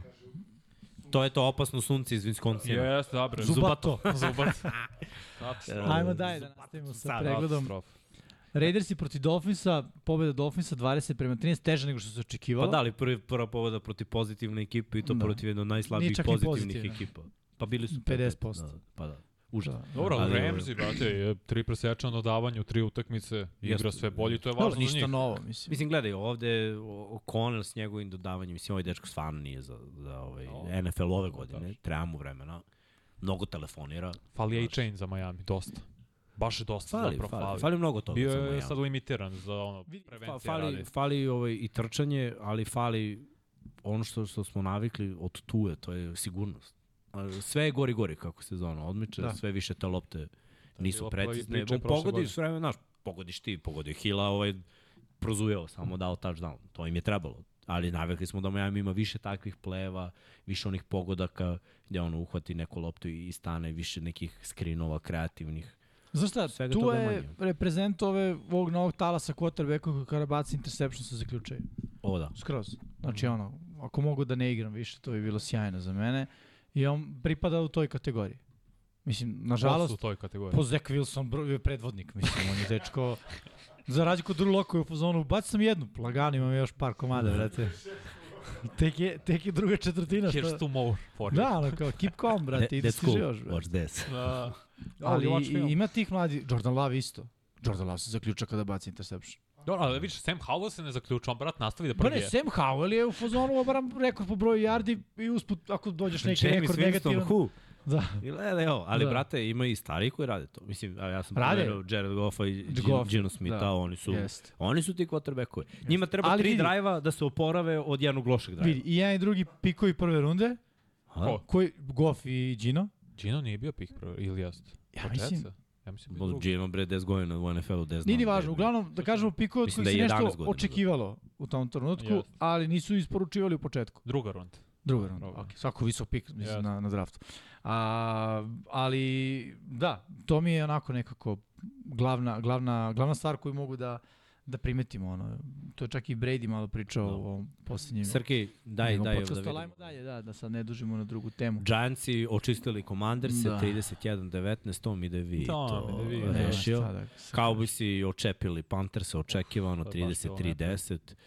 Uh, Titans izgubili od Jaguarsa 34-14, manje više to je bilo očekivano. Tako da, Lawrence odigrao sjajno. Razvalio Uh, se. Cardinalsi u neizvesnoj utakmici protiv Texansa, Mm. mm. CJ Stroud bacio tri interseptiona više na ovoj utakmici nego u prethodnih uh, devet, ali na kraju njegova ekipa je rešila 21-16. Ali Tank Dell izdominirao. Mm. Skoro 150 mali, yardi mali hvatanja. kida cele godine. Mm. Tako da bravo, bravo za Texans. Singletary opet preko 100 yardi trčanjem. Samo ne znam da Bravo ima ovaj. Uh, Stroud interception u crvenoj zoni. To ih baš ubija. U, ima Dobro. dva. Znaš, baš bilo. uh, sad već počinju, počinju da igraju iste akcije sve vreme i ko gleda film, that's cool. Watch this, mislim.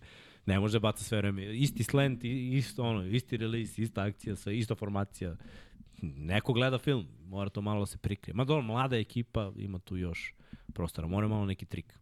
Uh, Buccaneersi protiv 49ersa, iskreno nismo ni očekivali da, da će u Kaliforniji pružiti neki jači otpor 49ersi. Prilično lako, moglo je da se desi, kao i uvek za Tampu, to je pohvalno za Tampu, što uvek može da se desi za U njih, igri su. Da. ali ovaj, naprave uglavnom grešku češće nego što naprave dobar play. Uh, Bills je očepili Jetse, žao mi je što Sam ste rekao, morali da gledate ovo, pa naravno će ih pregaze kad su bedni Zach Wilson ne može ništa da uradi. Dobro, nije samo Zekve. Ma jeste, Ofenzivna linija ma te bra, katastrofa. Pa ne bi niko može, ne može da ma stoji de ne bi niko. No, najbolji Tom Brady ikada iz ove ofenzivne linije izgledao bi loše. Ofenzivna linija baš katastrofa. Izgledao bi loše, oni bi bili na posled za ostatka. Eto, to bi uradio Brady. Brate, baš je loša ofenzivna. Znam, ali ti Sve kažem. propušta. sve propušta da Brady baci dok ne stignu, brati. To je to. Ne može ovo, ovo je užas. I Hackett isto kriv. Pritom, znaš, on i ne gađa hvatače. To je najgore od svega, on gađa u pod. I Hackett je kriv, isto. Nije što bolji, mora bolji play calling. Ja ne znam ni šta bi Rodgers uradio ovde. Ali sigurno bi bacio loptu u pravcu nekog hvatača, a ne u pravcu zemlje. Znači, ovaj Borazer gađa veštačku travu, brate. To je, E, to je za njega. Josh Allen oborio rekord po broju touchdownova za jednog igrača u prve šest sezona sa 205. Tako da je Dobro, Bilsi su se malo iživljavali ovde. Yes. Uh, Rams i Seahawks, to smo John. pričali, možemo dalje. Vikings i Broncos, Eagles i Da. Chiefs i sve pričali, Colts i Falcons i Patriots i Saints i bili na baju. Tako da možemo da idemo dalje. Što se tiče Čekaj. prethodne nedelje, Aha. gledamo tabele. Trenutno Nakon na, 11. kola. nakon 11. kola na severu AFC-a, Ravens prvi sa skorom 8-3, Browns imaju 7-3, Steelers imaju 6-4, Bengals imaju 5-5. Na istoku Dolphins imaju 7-3, Billsi nisu u play-offu, ali imaju 6-5, pozitivan skor. Jets imaju 4-6, Patriotsi jako kao na ovom piku Hmm. 2-8. Pa treba im. Uh, Jaguarsi 7-3, prvi u svojoj diviziji, Texansi 6-4, to je okršaj za sledeću nedelju, ali Texansi su u play-offu trenutno, Colts imaju 5-5, Titansi 3-7. I na zapadu 7-3 imaju Chiefs i prvi su u diviziji, drugi u AFC-u, 5-5 imaju Broncosi, 5-6 imaju Raidersi, 4-6 Chargersi, niko od ove tri ekipe nije u, u play-offu za sada. Što se tiče NFC-a, Fila jako, 9-1, 6-0 u konferenciji, 3-0 u diviziji. 8-3 imaju Cowboysi, ali i oni imaju dobar skor u diviziji 3-1. Commanders imaju 4-8, Giantsi 3-8 i ove ekipe nećemo gledati u play-offu 99%. Lions imaju 8-3, druga su ekipa trenutno u, jel jesu? Nakon ovog kola su bili Nisu, druga. Da, sad je nisu, sad ali drugi. nakon ovog kola su bili drugi u NFC-u. 6-5 imaju Vikings, oni su u wild cardu. Packersi nakon pobede sinoć imaju 5-6 i 3-8 imaju Bersi. Medonje. 5-5 uh, Saintsi na jugu NFC-a, 4-6 Falconsi, 4-6 Buccaneersi i 1-9 najgore ekipa u NFL-u, Carolina Panthersi. Zapad NFC-a, 49ers imaju 8-3 nakon pobede sinoć, Seahawks 6-5 nakon poraza sinoć, Rams imaju 4-6 i Cardinals 2-9. Tako da, polako ali sigurno, mi možemo Srki ako imamo one grafike, a ne, Prvo gledamo playoff sliku. Mi skuzi. Imamo nešto novo od ove nedelje, pa do kraja imaćemo ekipe koje su trenutno prve u diviziji, uh, ekipe koje su prve u konferenciji, naravno, wild card ekipe i ekipe koje jure playoff ili, kako amerikanci kažu, in the hunt. U Jurnjavi. Divizijski da. rivali ili po hijerarhiji u AFC-u. Ravensi, Chiefsi, Jaguarsi, Dolphinsi, to su prvaci divizija, wild card, Brownsi, ćao ni Joe, Brownsi, Texansi, Steelersi i onda u Jurnjavi Billsi prvi sa 6-5 i sve druge ekipe koje imaju pozitivan skor, 50% i dalje, Coltsi, Broncosi, Bengalsi. Ma lagan, samo ti Što se NFC-a tiče, ćeš Jimmy, pošto si predstavnik. Može. Lideri divizija su Eaglesi sa 9-1, 49ersi sa 8-3, Lionsi sa 8-3 takođe i Saintsi sa 5-5. Mora neko i sa juga da bude lider. U wild cardu trenutno Cowboysi 8-3 skor, Vikingsi 6-5, koliko imaju i Seattle Seahawks i to je trenutno sedam ekipa koje bi bile u play-offu da se sezona završi danas.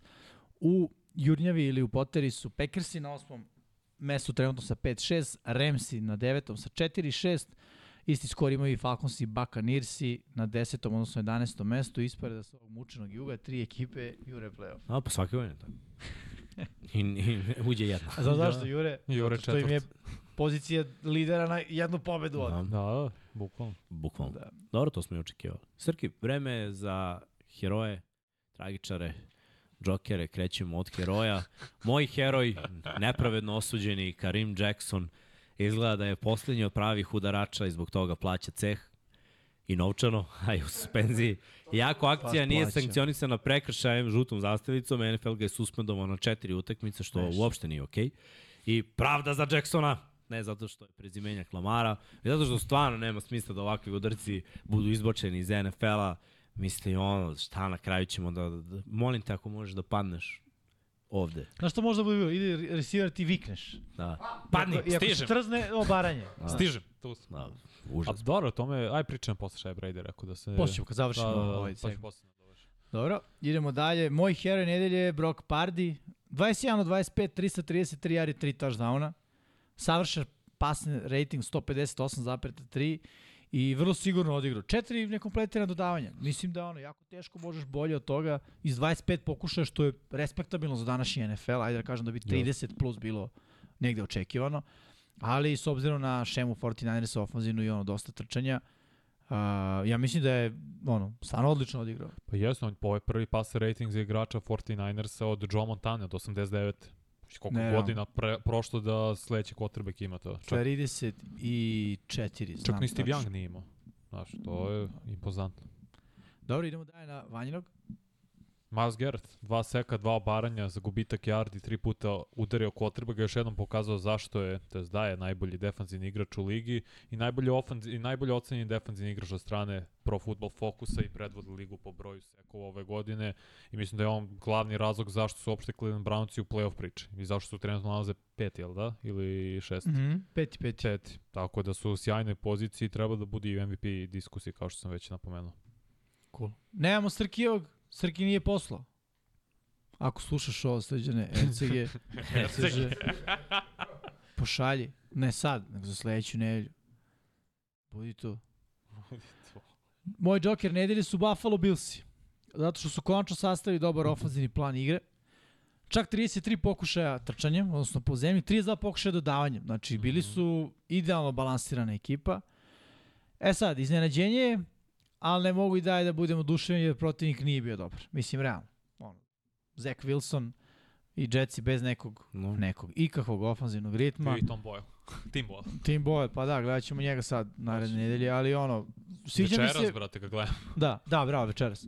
Ovaj, sviđa mi se što Billsi su barem pokazali ono nameru da idu u drugom smeru. A taj smer se zove ono balansiran napad i skini pritisak malo sa Josh Allena. Da, da. Dobro. Bilo je, bilo bolje. Boljitak, definitivno. Moj Joker nedelje je Jordan Love.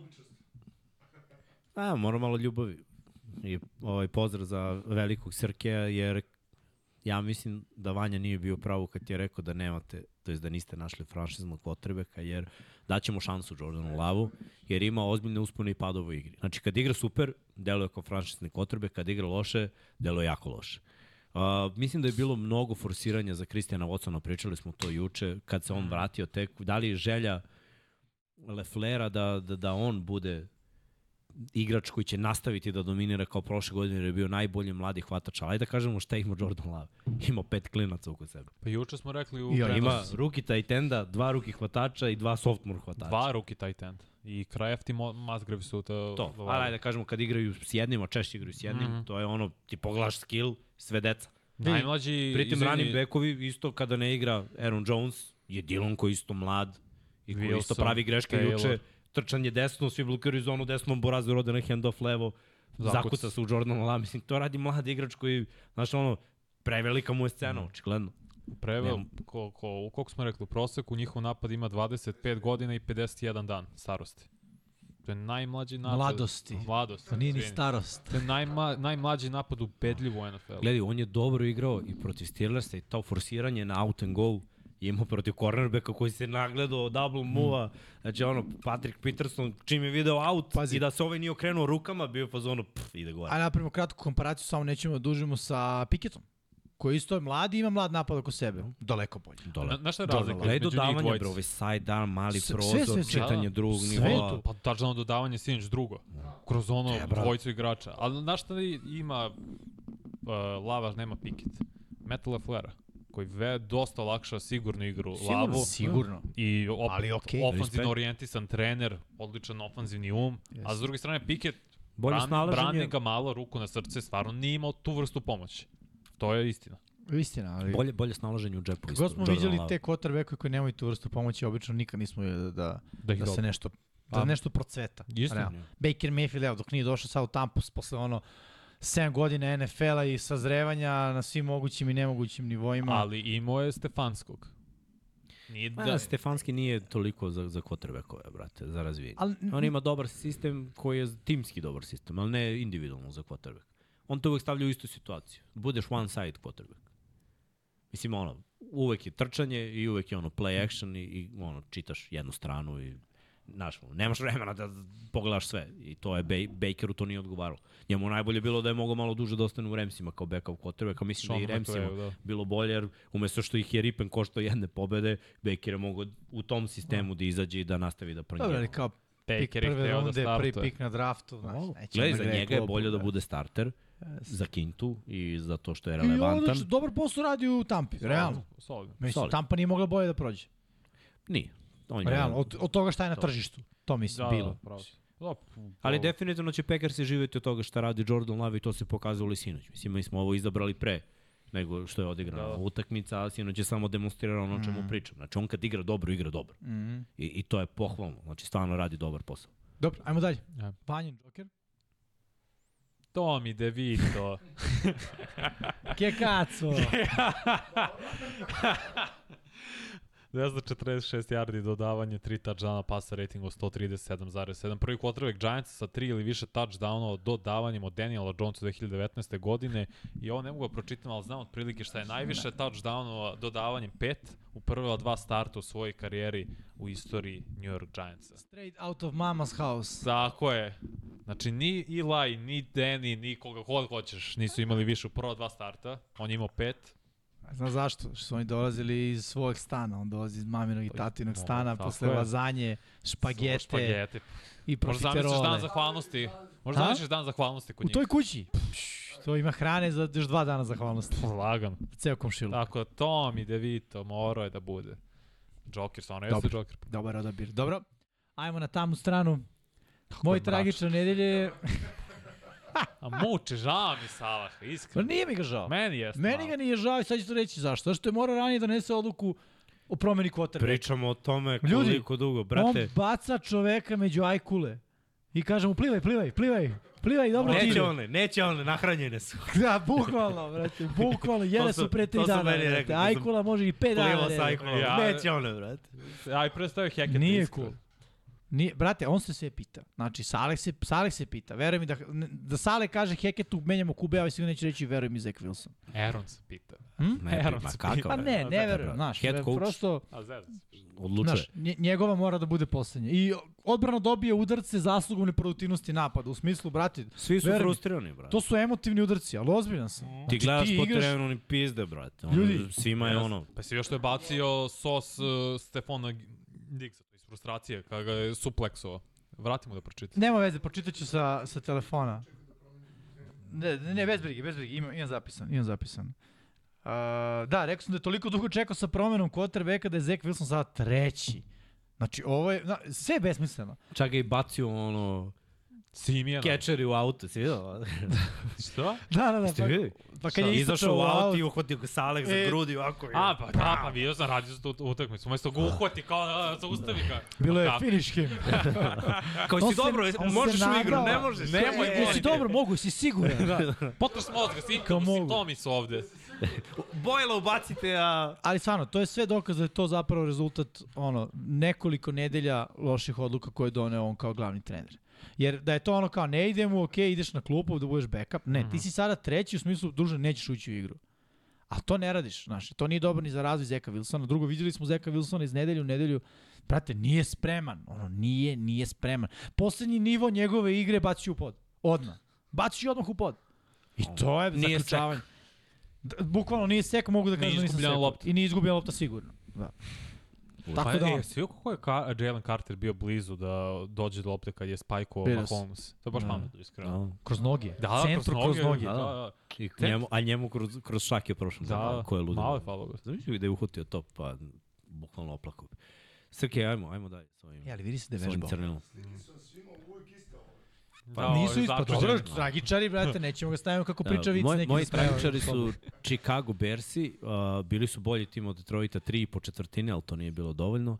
Kad je bilo najbitnije, Filci napad nisu uzeli prvi down, odbrana je dozvolila dva lagana touchdowna i zato su Bearsi medonje, a ne mečke.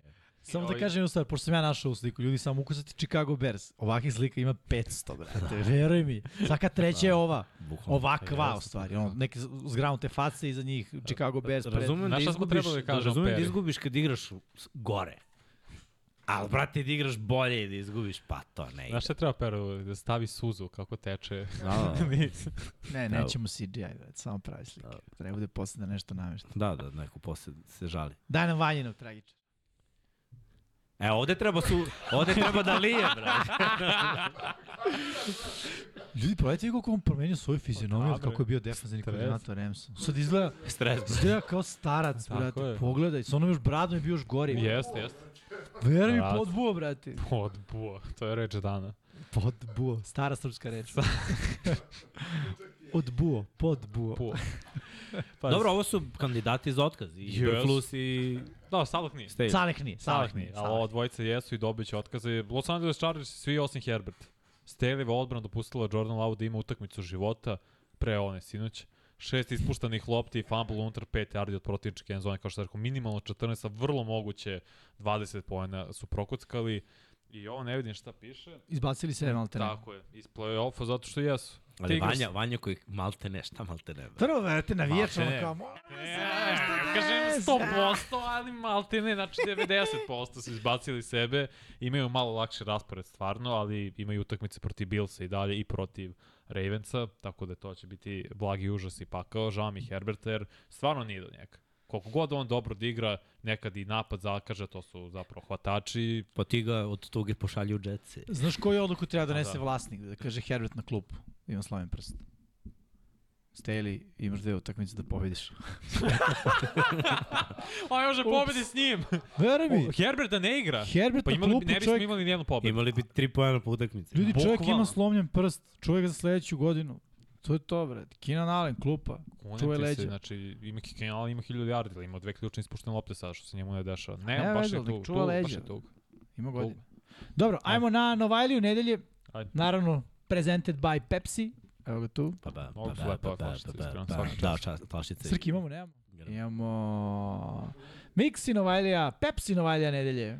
Moj Pepsi Novoljnija nedelje je Thompson Robinson. Je, nije bila savršena utakmica, dono je pobedu Brownsima i protiv sjajne odbrane Steelersa ostavio bolji utisak u svom drugom startu u odnosu na svoj prvi start i meni nekako to govori da bi oni mogli sa tom odbranom da nastave da pobeđuju. Čak ih Denver, nije neka elitna ekipa, ali je dobra odbrana isto. Treba ih ovaj, načeti malo. Browns imaju dobro trčanje, mnogo su jači fizikalni od uh, Broncosa, postoji nada, ali ovaj momak ne sme da gubi lopte. Šta radi Russell Wilson isto, i on zna da, da gubi lopte. Tako da vrlo verovatno ta utakmica koja nas čeka će biti na mali broj poena. Ali ono što je uradio protiv Steelersa je, je bilo pohvalno i redko ko je video ovde uh, pobedu Brownsa baš zbog te pozicije quarterback, ali redko ko je video da će Steelersi da se muči da daju samo 10 poena Brownsima. Tako da ovaj momak mora da bude Novajler. I nema mnogo Novajleja koji igra na visokom nivou, naročito ne na poziciji quarterbacka. Tako da svaki vredan pomena treba da bude ovde ubačen u priču. Amin. Moj Novajlija nedelje je Pukanakua. Šta da kažem? 7 targeta, 5 hvatanja, 70 yardi, 1 touchdown. Čim se povredio Cooper Cup, odmah je pokazao da Remsi moraju da ga više uključuju u ofenzivne zamisli. To je ono što sam već i rekao. Ono, stvarno krivi McVeja koji mora da rađe način da ovakvu momka koristi. Prosto, redko ispušta lopte, ima jarde nakon hvatanja i ono, trebalo bi da bude apsolutno legitimna opcija u tom napadu uh, Los Angeles Ramsa. Ne znam i dalje zbog čega baš i nije, ali ovaj uh, Pogubi eto se. moj Da, da i... se pogubi malo na svakoj utakmici. i moj utisak je da je on trenutno bolja opcija od Coopera Cupa. Mlađi je, zdraviji je, igra konstantan je, mislim kad mu se pruži prilika i ono, ne možeš tražiš više od njega. To je moj Pepsi na valja nedelje. A moj je Will Anderson, defensivni end iz Houston Texansona. Texans koji su sjajno izgleda draftali, imaju trojicu ozbiljnih igrača, jedan od njih jeste Anderson. Jedan sek na ovoj utakmici, dva obaranja za gubitak, yardi dva puta udare u quarterback. Imao je sedam pritisaka protiv Cardinalsa i stasu jednog od na... Boljeg igrača. Se- Da, i stasu Sve- sve, sve bolje i boljeg igrača, jedan od najboljih ocenjenih Novajlija, što se tiče odbrane makar, tako je. Gde su samo Witherspoon i Jalen Carter bolje ocenjeni ove godine od njega. Dobro. Cool. To bi bilo to, pošto Prognoze. smo već rekli da Srkija nije bilo, pa idemo na prognoze. E, tu je bilo malo uspona i padova, kao i svake nedelje, naravno. Sad Kao ste već- novembru. Da. Ide malo gore dole. Malo kiša, pa onda se osuši, pa onda opet kiša. Da. Cincinnati protiv Baltimora, Jimmy je verovao. Izneverovo na kraju. Pittsburgh protiv Clevelanda, u Cleveland verovali Vanja i Jerceg, na kraju pogodili. Bravo. E, Chicago protiv Detroita, svi verovali u Detroit, došlo je uz muke, ali došlo. Chargersi protiv Green Bay Packersa, bravo za Srkija veliko. Bravo. Bravo, Srke. Standing ovation. Da. Bravo, Srke. Više ne verujemo u Chargerse, idemo dalje. Uh, Las Vegas protiv Miami, svi verovali u Miami, svi pogodili. Giantsi protiv Washingtona, samo Pablo, ne znam odakle iskopovali. Imao je dojav. Sopranovi mu dojavili da je Tommy DeVito nas, naslednik. Ma su pripretili Howellu, bre. Bukvalno. Na kraju ponudu koju ne može da odbije Da. Sam Howell. svi smo promašili. Dallas protiv uh, Karoline, svi u Dallas, svi pogodili. Jackson protiv Tennessee, svi za Jackson, svi pogodili. To je bilo lagano.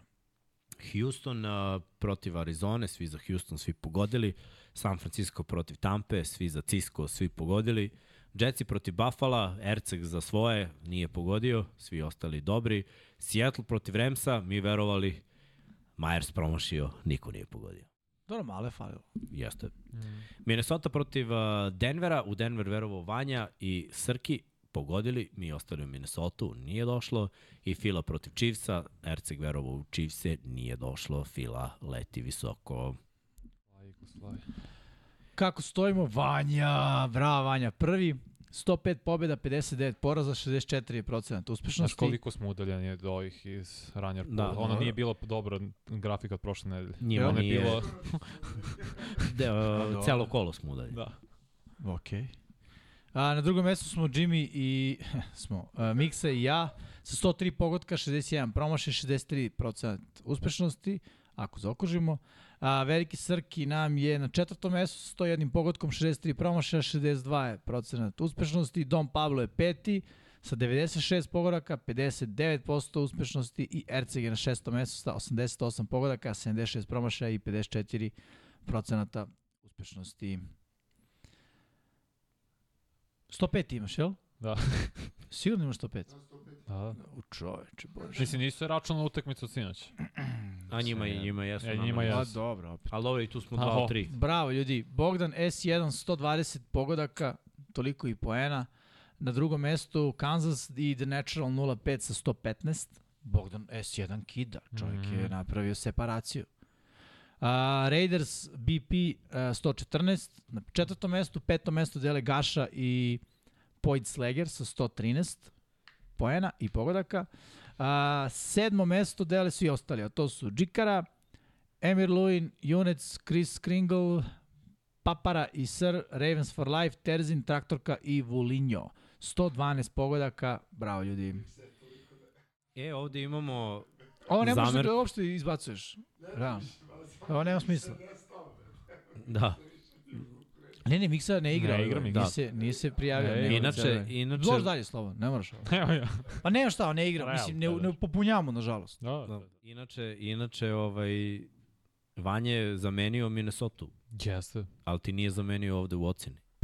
A to mora Pera da. Znači imaš jednu pobedu manje. Da, da, znači 104. 104, ja mi koliko smo... Vidi ti njega što on Kako čuta. je, a? Srki, gasi mu mikrofon. Kaže Srki urgirao, nemoj menjaš, ja. To da mi išlo ispošto I da što oni znaš imaju? pobedili. Internet dogovore ovde. To je ono kao kad ti otkucaju pogrešno A tiket. to ono, nije internet, to piše bukvalno na Slaveku. Da. Onda još jače, jer mi nismo videli. Ima bre video na YouTube-u, čoveče. Imamo Čovjek rekao dokaze. javnu programu. Bukvalno. Dobro, ajmo da... Hvala sad- ljudi u komentarima što ste nam skrenuli pažnju. Dobri, pošteni ljudi koji gledate ovaj podcast i ne želite da dozvolite da budemo prevareni. Da nema pravde. Da, da, krećemo sa nedeljom. Broj sam pretarao, kažem 12, Jeste, nisam, 12 da. I analiziramo utakmice koje su sinoć igrale. Rekli smo već dan zahvalnosti u Americi. Fenomenalno, baš su posebna atmosfera je stvarno. Pa, neradan dan, mislim, realno. To Pa ne, meni zaposlen- sviđaju te utakmice, ja volim te utakmice na im i poseban neki značaj. I još izvod čisti i statistika iz toga. Meni samo Udavio sam X-u sinoć u prenosu. Ovaj Gary imao sek. Fali mu još jedan da stigne Jordana koji ima četiri. To je rekord. I tako sam. Da, voli Vanja, voli Vanja ove te e, statistike. Ali dobro, gledaj, utakmica je bila neizvesna. Treba, ja, iako, iako su Packersi napravili prvo, oni 20 pojena postižu malo više preko 20 po utakmici. Da. Toliko su dali u prvoj četvrtini. A mogli su Znači, više. mogli su da daju više, nisu imali dobru egzekuciju. Lionsi su im poklanjali, brate, radili su ono. Dobro je što su iskoristili ono fake punt da odmah pretvore u touchdown posle. To je bilo vrlo važno. Uh, kickeri su failovali jedan i drugi, konverzije za dva poena, možda i nepotrebne. Ali na kraju Lionsi su stigli do svog, samo eto, uh, imali su taj posljednji napad koji mogu da promeni sve, bilo je neizvesno. Četvrti za sedam, crvena zona, nekompletan pas, Pretposlednji. pretposlednji napad. Da, Da. I onda su posle toga dali touchdown, ali je bilo kasno. Posle je već moralo ono, science fiction, onside kick, da dođemo do lopte pa da damo touchdown. Mm. Ali imali su dobar scenarij, bilo je 12 minuta, išli su jedan spor, postepeni napad, stigli do crvene zone, loša egzekucija. Uh, Lionsi su u padu, ozbiljnom padu, Ja mislim da, da pad je počeo bez obzira na dve pobede koje su zabeležili protiv Ravensa, mislim, kad su bili očepljeni. Nakon toga vidi se neka nesigurnost bez obzira što se Montgomery vratio, pa su igrali dve do, dobre utakmice, pa oni Gibbs se tu malo traže, znaš da, da možeš da se ostaneš na hvatača, ali Goff je pao. I Goff vuče, on je ono sidro i vuče sada celu ekipu sa sobom na dno. Mora da se trgne, mora da prestane da gubi lopte, mora da igra bolje pod pritiskom, jer ako ne bude igrao bolje pod pritiskom, ovo je dobro za Detroit, ali nije dobro za NFL, jer oni ovako nikad neće osvojiti. Oni su bukvalno ekipa koja će ući u playoff kao Vikings i prošle godine. I prva ekipa koja ne leti, pa i wild card ekipa, ima da ih očepi u playoff. A ne verujem. Ma, opet pričali smo o tome malo i sinoć kad smo radili. Minnesota to što je pobedila 11 od svojih 13 utakmica na posed ili manje, nije, nije ti jedan meč ni izgubila na posed. Meni je to pohvalno, iskreno. Ali meni znači je to da rešavaš. dosta, ne rešavaš, ali to je igra sreće, jer ove godine se obrnula situacija. A videli smo na utakmici koji su pobedili protiv Giantsa, pričamo o Vikingsima prošle godine, da je to bilo muke. A igrali su podno direktno sa Giantsima u play-offu i jasno, meni je bilo dovoljno jasno da očepljeni. vidim. Tako Gledaj, je. Detroit, koje ekipe mogu da nalete na Detroit u play-offu? Trenutno. Minnesota ili Seattle. Tako deluje. Vrlo verovatno da, da će tako biti. Jer Možda ja sumnjam Green da će Bay. oni biti u prva dva sida, verujem da će biti... A mogu pobediti obe te dve ekipe. Mogu. A možda Green Bay bude opet. Možda bude, šta ako bude, Green- na primjer, neko iz divizije? Nema veze, reši ih u play-offu. To ja mislim. Ljudi, umor. E, oni Seattle ne mogu pobede. To A je- vidi, stigo je umor. Ja samo to kažem, stigo ih je umor i to je sasvim okej, imaju osam utakmica. Pritom, ajde budemo realni, nalaze se ne za njih potpuno nepoznati teritoriji. Drugi su seed u NFC-u, znaš. Sad su treći. Treće. Okej, treći su seed u NFC-u, ali ono, nepoznato je. Jeste, teško je biti, to smo pričali pre par godina o Browncima, kad imaš ulogu favorita. Ti sad treba konstantno da pokazuješ i da opravdavaš tu ulogu i Mislim da to oni je to do, mogu. dosta pritiska za jednu ekipu No. koja Vidi. se prvi put susreće sa da, ovom da, situacijom. ali ja vidim da oni zaista mogu to već u ono, narednoj neri da obrne. Jer će imati 10 dana da se pripreme. Slažem se, mislim, Goff je prvi put u karijeri imao tri izgubljena fambla. To ja stvarno ne verujem da će se desiti opet. Ali, brate, Goff je 100% loš kvotrbek u pritisku. I to 100%, brate. To, to je jedna od sigurnih stvari na ovom svetu. Ono, sun, sunce će izaći, sunce će zaći i Jared Goff je loš po pritisku, brate. Ne, I jeste, ali pored. vidiš, 12 utakmica pre ove ni, im, imao izgubljeni fambl. Tako da mi naginjem ka ne tome mora, da je... ali nije ovaj, problem fumble meni. Meni je problem Anomalija. što je čovek otvoren u sredini terena i on treba da doda loptu i da primi udarac. To je bilo Kalaporti dodavanje. Vidi, Tako je. Ajde prođemo raspored. I on, ba, i on se ono, uplaši, da ne da ne psujem, i Vidio, Saintsi. Apsolutno pobedio za Detroit. Bears sve utakmice su pobedive. su I pobedili. izgubive, takođe. Ok. Ako, ako pritisak bude postojao. Broncosi. Sve ekipe mogu da igraju dobru odbranu. I Berci, i Saintsi, i Ko može vršiti pritisak? sve tri ekipe. To je A ne znam da li. Saints Pa mogu na Ja ovom mislim da ne nivou mogu. Malo su Drugo, mislim da su Berse sada videli. Mislim, ne, znaš, su neće Bersi dobiti drugi put. To je moje neko očekivanje. Vrlo verovatno. Ali Sumnjam da će imati po tri ili, ili više izgubljenih lopti u i još jednu utakmicu za redom. Ali ne mora da ima izgubljene lopte. I vidi, ti ja završavaju- pričam. Nije imao mnogo izgubljenih lopte protiv Baltimora, imali su šest poena u četvrtoj četvrtini. Nego su imali 3 and out, 3 and out, 3 and out, 3 and out. I on Okej, gađa okej, zemlju, zemlju, zemlju, out, Baltimore zemlju. je naj, jedna od najboljih odbrana u ligi. To nisu Saintsi. To Znaš šta? Nisu, ja te razumem što pričaš, ti si u pravu što se tiče pritiska. Samo mislim da neće imati toliki iz, broj izgubljenih lopti, jer iz tih izgubljenih lopti, pre svega su Packersi poentirali. Loše od- ekipe koriste izgubljene lopte Lions, činjenica. Ali moraju oni ofanzivno da se probude. Moraju opet primetili, Gibbs, Montgomery. sinoć, gde je sinoć bilo trčanje?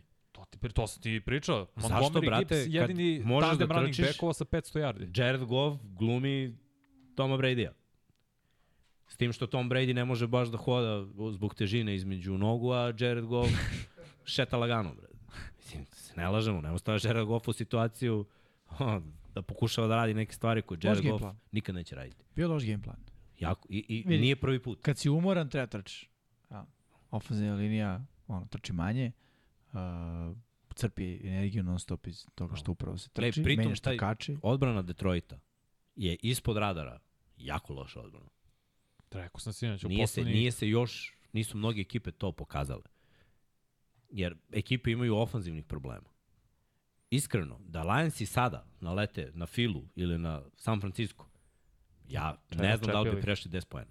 Pa, Naravno, ne, nećemo videti to, ali to je moje mišljenje. I, i glej, malo bolja ekipa, na primjer Cisco, sada bi taj secondary spržio bez problema. Kao, ili tipa Cowboysi, ja mislim da bi Pa Cowboysi sad isto poigrali. spržili Jer su u svojoj zoni, puni samopouzdanja, ali od sedme Mnogo nedelje... dozvoljavaju, mnogo dozvoljavaju Lionsi preko, dovoljno- nemaju elitni secondary, Nemaju. to je činjenica. Da. Ono što se desi na početku, ako pritisak bude bio dobar, to je okej, tu može nešto da se desi. Ali ako nema tog pritiska, secondary je izložen i tu nastaju problemi. A, to sam te ja kažem, završnica sezone za njih čupava. Minnesota, Dallas, Minnesota.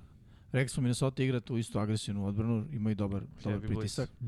E, Dallas kida u tome i onda Minnesota. Ako Minnesota podele i izgube od Dallasa, da završiš sezonu sa jednom pobedom, dva poraza je zeznuto jer ulaziš u playoff u jednom slabijem nizu. Znaš. I to može da bude isto nezgodno za, za Detroit Lions. Ali gledaj, opet, ja ovo sve pričam zato što mi treba treća ekipa u NFC-u. Jer za sada deluje da će opet biti show kao i prošle godine. Filacijsko finale. Ne vidim drugi scenariju. Dobro, Jer ova može ekipa da igra. mi ne deluje kao ekipa koja može, pa ja ne verujem u to. Ja Mislim mislim da ne da, mogu da pobede. San Francisco. Mislim, uh, mislim da ne mogu, da. Mislim da ne mogu da, da, da pro... Jer Fila će imati najslabiji seed, vrlo verovatno. Jer za sad deluje da će biti prvi seed. Ok, može se promeni, možda ne bude tako. Ali mi deluje da će biti. Uh, da li Lionsi, da li, Detroit, uh, da li Cowboys. Dallas, ko, ko, kogod da naleti, to su ekipe u koje ja nemam poverenje. Dallas će osvojiti diviziju, bravo. Neće Nije Dallas dugo. osvojiti. Uh, Detroit. Detroit. Će osvojiti Od diviziju. 93. Dugo se nije desilo. Bravo. Imaće dobar skor, pozitivan skor, sjajanje star sezone. Bravo. Neke stvari su se desile, znaš, konačno imaju neku priču, bit će to bolje, ali neće biti godine. Ja sam ubeđen 100% da neće biti ove Ali ne mora ove godine bude. Ove godine treba jedna pobeda u play-offu. I to je za njih napredak kad su poslednji put pobedili u play-offu. Davno nisu. 30 godina prošlo. Ok, ovo je mnogo bolji napredak odbrana od sedme nedelje, a ne računajući sinoćnu utakmicu, dozvoljava 29 pojena u proseku. To je katastrofa. To je katastrofa, Da. da. to je najgore u NFL-u. Da, da. Ali ja Pritom- mislim da Dallas može sada, ako nastavi ovako da igra, da, jer po toj logici bi naleteli na Filu u divizijskoj rundi. Jer bi bili peti Da. nosioc. A ako pobedi Detroit, naravno išli bi na San Francisco i... Ja mislim da ja Dallas ne, može. ne verujem u Dallas, ali dobro. Mislim, verujem u Dallas dok ne naleti Dallas na ozbiljnu ekipu, kao i svaki godin. Verujem ono što se ponavlja. Sad imaju težak niz, Cowboys i tu će da se pokažu šta su zapravo. Dobro, to- ajmo mi na sledeći meč, tamo kad pričamo već o Cowboysima, to je meč između Commandersa i Cowboysa, nemamo šta dugo da se zadržavamo Da. ovde. Loše ekipe, kao bi si očepe, rade Da. da. to već tri godine, osvajaju lopte, gaze i ofanzivno i defanzivno, imaju dobre playmakere, Dak igra jako dobro protiv krš ekipa, nije ništa čudno. igra suludo u poslednjih šest utakmica, ima 18 touchdownova. Ima, To je neverovatno. jako dobro igra. Baš igra dobro. Tako da sve pohvale za Dallas, Commandersi, mislim, bukvalno kraj sezone, rasprodajte šta imate i okrenimo se sledeće godine, jer od ove nema ništa. A za kao bi se, mislim, ono, sve je ovo super, samo stvarno želim da vidim protiv neke bolje ekipe kako će da odigraju. Dok ne vidim to, iskreno ovo gaženje loših ekipa me ne zanima. Znaš koliko će pokloni? Kikera i Novajle, možda smo i njega trebali da izdvojimo, ali po, probat ćemo sledeće nedelje. Obrije. Obrije. 22 za redom field gole pogodio. To sad nije to mašao. Mašao je šuteve za dodatni poen. Mislim da je tri promaše ove godine, ali što se tiče field golova, da budeš savršen na svoju NFL karijeru, započeš na ovaj način je baš impresivno. No. Rekli smo već, pišu da pomenemo rekord, da je blend Tako je. peti pick six i da je rekord u NFL-u, to smo rekli na početku. 11 interceptiona ima u poslednje dve godine. Da. I treba i on bude u diskusiji za defanzivnog igrača godine, ali nije isto. Kao, nema... Nije isto zato što u jednoj odbrani imaš Parsonsa i tu odbranu koja konstantno vrši odličan pritisak, s druge strane imaš Gilmora, Ma nije, nego nije dovoljno veliko ime. Mislim, budimo realni. Neće mu NFL dati da bude, vrate. Ne može, ne može tipa Miles Garrett i ti život da imaju ovakvu sezonu i da bude čovjek samo zbog pick sixa ispred njih. što je impresivno što je doveo maltene 30 poena sam. Da oni imaju slabije sezone, ova dvojica, vrlo verovatno da bi bio u priči. Uh, Moraš imaš veliko ime kandidat. da bi bio MVP kandidat ili kandidat za igrača Defensivno. godine. Ali ako vrne još koji, a nije nemoguće, brate, ako bude vratio 6-7 u sezoni za touchdown, saberi koliko pojene donao. Da, da. Više nego neki ofanzivni igrač. Mislim, Tako on je. sad već ima više touchdownova nego mnogi ofanzivni. Nego neki hvatači. Mislim. Da, da. Da, Pickett ima šest. Bacio šest. Juri ga. Dobro. A evo, po sledećih pet Cowboys, Seahawksi, Eaglesi, Dolphinsi, Billsi, Lionsi. Tu ćemo mi dobiti zapravo pravu sliku šta su Dallas Cowboys. Jest. Narednih mesec Jedva dana. čekam protiv Lionsa da igraju, iskreno. Ne, ne, ovo sad sledeće nedelje, e, posle toga ide. Da. Da, Je, zato što Seahawksi u ovom ritmu kakvom su, ali da. Da. Ma i da nisu u tom ritmu, brate. Nisu oni na tom nivou. Pritisak i Gino ne idu u istoj rečenici. No. Kad smo već kod toga. 49ersi protiv Seahawksa, uh, pričali smo malo o, o problemima koji su bili za Seahawkse. Mislim, pohvale za Gino što je igrao, on je, nije trenirao uopšte ove nedelje i videlo se da nije trenirao, moraš da treniraš, uh, pravio je greške, a 49ersi su mogli ovo mnogo lakše da dobiju, mnogo ubedljivije, svakako su odradili koliko je bilo dovoljno na kraju, triumfovali, sigurno, uh, ušli u opet u dobar niz, krenuli 5-0, pa 0-3, pa sad opet 3-0. Tako da to su dobre stvari za 49ers, ali njih čeka isto jako težak raspored i tu ćemo videti reality check. Oni, kad su kompletni, deluju kao najbolja ekipa u NFL-u, ali opet isto su igrali protiv loših ekipa kada su pravili ove nizove. Imaju Baltimore i Filu, to su ekipe sa dobrim skorom. Ok, kad vas budem vidio da dobijete te dve ekipe, ono mogu da kažem 49ersi su najbolja ekipa trenutno u NFL-u. Dok ne dobiju Filu i Baltimore, ekipe sa istim ili boljim skorom, ne mogu to da tvrdim. Ja mislim Imaju da je, mana u igri, dosta. Samo niko ne zna da izloži te mane. Jer A- su mnogo, mnogo, mnogo manje fizikalni i a, dosta su slabiji. Fila je jednako fizikalna ekipa, mislim da su Ravensi jednako fizikalna ekipa i to zapravo želim da vidim. mislim, vidjet ćemo, već si to napomenuo, imaju 15 sekova kad su tradovali za Chase Younga, što je pohvalno jer su prvih koliko šest utakmica ili malo više od toga, imali 18. No. Znači, mnogo loše s njim, mnogo bolje i kad su zdravi, meni su makar najbolji tim u NFL-u. Tako Vrlo da, jasno. I, I pazi, igraće oni protiv svih tih ekipa. Dobili su 10 za redom protiv divizije, što je impresivno, što je sad već pitanje ne da li će, nego kada će osvojiti diviziju i, i o, zvanično biti prvi sa zapada NFC-a. Pardi igra sjajno kad su svi zdravi, ostali lete, proigra, pro, ponovo je trčanje, proradilo.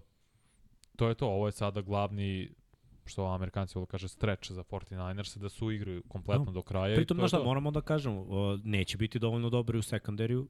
Hufanga povređen, to je all pro safety, nema Mhm. ga. Pro bowler safety, nema ga. Sad je malo rupa tamo. Corneri, ok, prosek, ništa, ništa posebno. Front Seven radi posebno. No, šema je dobra, znaš. Jeste, ali brate, niko ih nije izložio. Niko još uvijek nije, nije mogao da ih nađe. Ja jedva čekam da ih vidim protiv File, iskreno. Jer toliko je trash toka i toliko je neke mržnje usmereno od strane 49ersa ka Fili za sve ono što se desilo prošle godine. Mislim, ono, 49ersi tuku druge, ako dobiju batine, mišja rupa. Ako si sileđija, onda budi, onda prebi sve. Znaš, prošle godine je bilo, a, povredili ste kvotrbe kada niste bla, bla, bla. Mislim, brate, što vi niste povredili kvotrbe? Nisu mogli da prođu ofanzivnu liniju. Evo prilike. Mislim, Sledeće dokaži se, budi najjači, dokaži se, pobedi. Onda možemo da pričamo o tome da je najbolja ekipa. Trenutno po skoru nisu najbolja ekipa. Nisu. Trenutno po usponima i padovima u igri nisu najbolja ekipa. Statistički nisu najbolja ekipa. Ni u jednom aspektu igre nisu najbolja ekipa. Znači, po čemu su oni onda najbolji tim? Po našem personalnom utisku. Ubeđenju. Kao, da, kao, e, to je to, kao, oni su najbolji tim. Ajde da ih vidimo, da vidimo relevantnu ekipu. Dominiraju svoju diviziji, nemoj da se lažemo, ali trenutno njihova divizija je izdominirana od strane mnogih ekipa. Imamo Cardinalse koji imaju dve pobede, Ramse koji su skupili jedva četiri pobede i Seahawkse koji imaju šest pobeda. Mislim, ono, i pet poraza. Nije im neka divizija. Nije ovo divizija od pre nekoliko godina Ne kažem da je da bila jeste. dobra divizija. Ova divizija je sada je ono prosek divizije. Pa te tri ekipe imaju 12 pobjeda u zbiru. Čega prosek vadi Seahawks? Sa šest. Ovo imaju dve i, I četiri. četiri. Pohvalno je što Brock Pardy, kad su kompletni, igra najbolji futbol u svojoj karijeri. I od prošle godine, ako saberemo sve, je po mnogim statistikama najbolji quarterback u NFL-u. Ima dve u koje nije. Kada je tu Dibo i kada je tu Trent. Kada su oni svi kompletni, kada igra CMC. Od prošle godine kada je on počeo da bude start. E, to je nerealna priča. Zato što takvu statistiku nismo mogli da vidimo od, Broka Pardija. Ako on bude igrao ovako do kraja godine, protiv ozbiljnijih odbrana, protiv ozbiljnijih ekipa, ako Dibo Samuel bude radio što je radio juče, jer je željan futbala, ako Brandon Ayuk bude igrao kao što igra cele sezone, jer je Ayuk postao hvatač broj 1, i ako ofanzivno budu trčali kao što mogu da trče, onda je ova ekipa stvarno preozbiljna.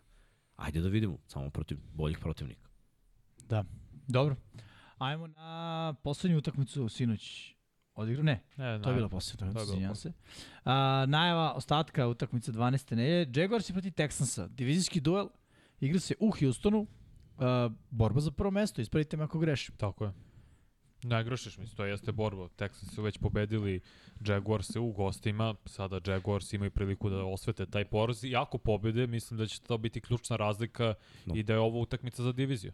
Ako pobede dve utakmice razlike, bit će izuzetno teško Texansima sa mladim quarterbackom, novim ono, trenerom, kao, mladim trenerom kao što je Demico Ryans, da sustignu Jackson i Jaguarse koji opet izgledali su, iz, bili su otrešeni od strane uh, 49ersa pre dve nelje, sad su otresli Titans isto kod kuće, izgledali su bolje i vidjet ćemo da li su pronašli neki ritam. Šta je jedina, uh, jedina, zapravo vrlo važna stvar ovde je niz poslednji koji su imali. Texans igraju slabije. Realno, rekli smo tri interseptiona Strauda. Nije, nije očekivano uopšte. pre dve utakmice imao 500 yardi i peta žalno. Jeste, ali i to priznaj u samom kraju. Da, Znači, do treće četvrtine nije bilo, nije imao pet touchdownova, nego Nije. se raspištolje u poslednjoj četvrtini ali i odigrao. protiv Jacksonville se raspištolja od početka. Jeste, ali ja mislim da, ono, mislim da sam čak ovde birao Houston, ali sad mi potpuno ima smisla da... Ja sam birao Da, Jacksonville zato, ne znam, zato što više verujem u Lorenza, jer opet, da, Stroud jeste najbolji quarterback protiv zone coverage što često igraju Jackson i Jaguars, ja verujem da su naučili tu lekciju iz prethodnog puta. I prošli put je bio touchdown fullbacka ki, ovaj, sa Pa to je ispucavanjem. bio jedan touchdown. Ne, jeste, izgubili Tek smo su više. dobijeno s 20 razlike. Znam, znam, biš, koliko je bilo, 37-20, čini mi se. Ne, sve mi je to jasno, ali bit će izuzetno zanimljivo utakmice i Jimmy u pravu. Houston Texas su malo pali u igri. Mm. I od vidjet ćemo da li će odbrana uh, Jackson i Jaguars to iskoristiti, jer imaju, više nemaju najviši osvojenih lopti, ali su i dalje u top 3 što se tiče te kategorije, ali bitno za napad da ne pravi greške, što nisu uradili protiv Titansa. Da, ali ono, Texansi su dobili 16 od poslednjih 19 utakmica protiv Jackson i Jaguars, No. što je sulud niz. taj Jacksonville Na Jacksonville zna da se izgubi. Bre. Oni ili igraju ili ne igraju. Imaju utakmice koje rade sve kako treba, imaju utakmice kao da odustanu. Nema. Mm. Ne igraju svoj futbol. I to, to me zanima da li ću da vidim. Opet i, i trčanje, znaš, kako će da uspostave svoj napad protiv ove odbrane. Talente imaju na sve strane. Samo je pitanje koliko gubiš lopte. Kako. Oni su protiv 49ersa stizali do crvene zone. I gubili lopte. Pravili gluposti, nisu koristili šansi i onda odjednom izgubiš utakmicu. Jer već ovi drugi koriste. Znači njima treba u stvari druga ekipa da iskoristi sve gluposti koje ti praviš. Texansi su sposobni to da urade. Biće zanimljivo. Ja mislim da će biti baš zanimljivo. definitivno hoće. Vatamo se ovde za, za ono niti šta će da bude, ali mislim Texans je dobiju, prvi su u diviziji. Mm. I onda Jacksonville mora da juri. A imaju teže raspored jer su bili prošle godine prvaci divizije. A Texansi su bili najgori tim. Tako da njihov raspored do kraja mislim da je, a da pogledamo to, mislim da je Da. mnogo lakši. Opet čekaju ih utakmice unutar divizije, koja je ovaj, takođe, Texansi su izgubili jednu od kolca na početku Da, i mislim da, da, da ih, da, da ih ovaj, Evo, nakon Houstona, Bengalsi, bez Joe Burrowa, prešana priča, ja bih rekao. Cleveland Brownsi, bit će zanimljivo, ali lakši put opet igra rezervista na poziciji quarterbacka, Baltimore Ravensi, to je malo nezgodno. Tampa Bay Buccaneersi, Carolina Panthersi i Tennessee Titansi. Ono, realno bi trebalo da dobiju barem četiri utakmice. Ako dodamo na ovih sedam, to je 11. no, I to je ono dosta... za Texanse. E sad, što se tiče Texansa, situacija je... Znači, nakon Jacksonville-a uh, dolazi im Denver, pa idu u New York protiv Jetsa da igraju, pa onda imaju niz Titansi, Brownsi, Titansi i na kraju Coltsi. Lakše raspored imaju Texansi. Imaju. Da, eto, tu je šans. Mada, eto, povampireni Broncosi, No. povampireni Brownsi, mislim Da, povampireni. Može se desiti, mislim. Tennessee delo da je sezona već otišla. Niz, Pa i za kolce isto i oni će. Da. Biće zanimljivo, svako. Dobar meč. I bit će u direktnom prenosu. I ovo će biti u direktnom prenosu, 22-25. U, Uh, iskreno, ja mislim da ovo nije toliko neizvesno. Ma, biće. ja mislim da će biti. Zato Gledaj, sam birao može, može, može da bude samo zato što Fila nije toliko često gledala Josh Allen, ali u principu A nema šta gledati. napad Billsa je jedna dimenzija. Osim E, ali ako... pokazali osim- su boljitak. Nije više. Jesu, na jednoj utakmici. Na Ali dve. ja dok Na ne dve. vidim na neku poslednje? konstantnost, Na tako dve, je. na dve poslednje. Su trčali su na dve poslednje. O, vidjet ćemo koliko će trča ovde. Vidi, mislim da oni ne mogu trči protiv File. To je moj, to je krenući i odustaći. Ako Fila postigne malo poena, kao što Fila zna da uradi, Fila prvo ima situacioni futbol koji zna da reši bolje nego Bills. Istina. I ako Fila bude povela, Bills će odustane u trčanju. Billsi forsiraju trčanje kad vode. Prošle nedelje nije bilo poente da, da se dodaje kada protivnička ekipa ne može da osvoji novi prvi down. Fila može da osvoji novi prvi dan. Uh, igra se u Fili. I to Fizikalnija je, ekipa no, su Eaglesi. pritom. Imaju bolji front seven, bolji online, bolje playmakere. Bolji hvatački korpus, realno. Da.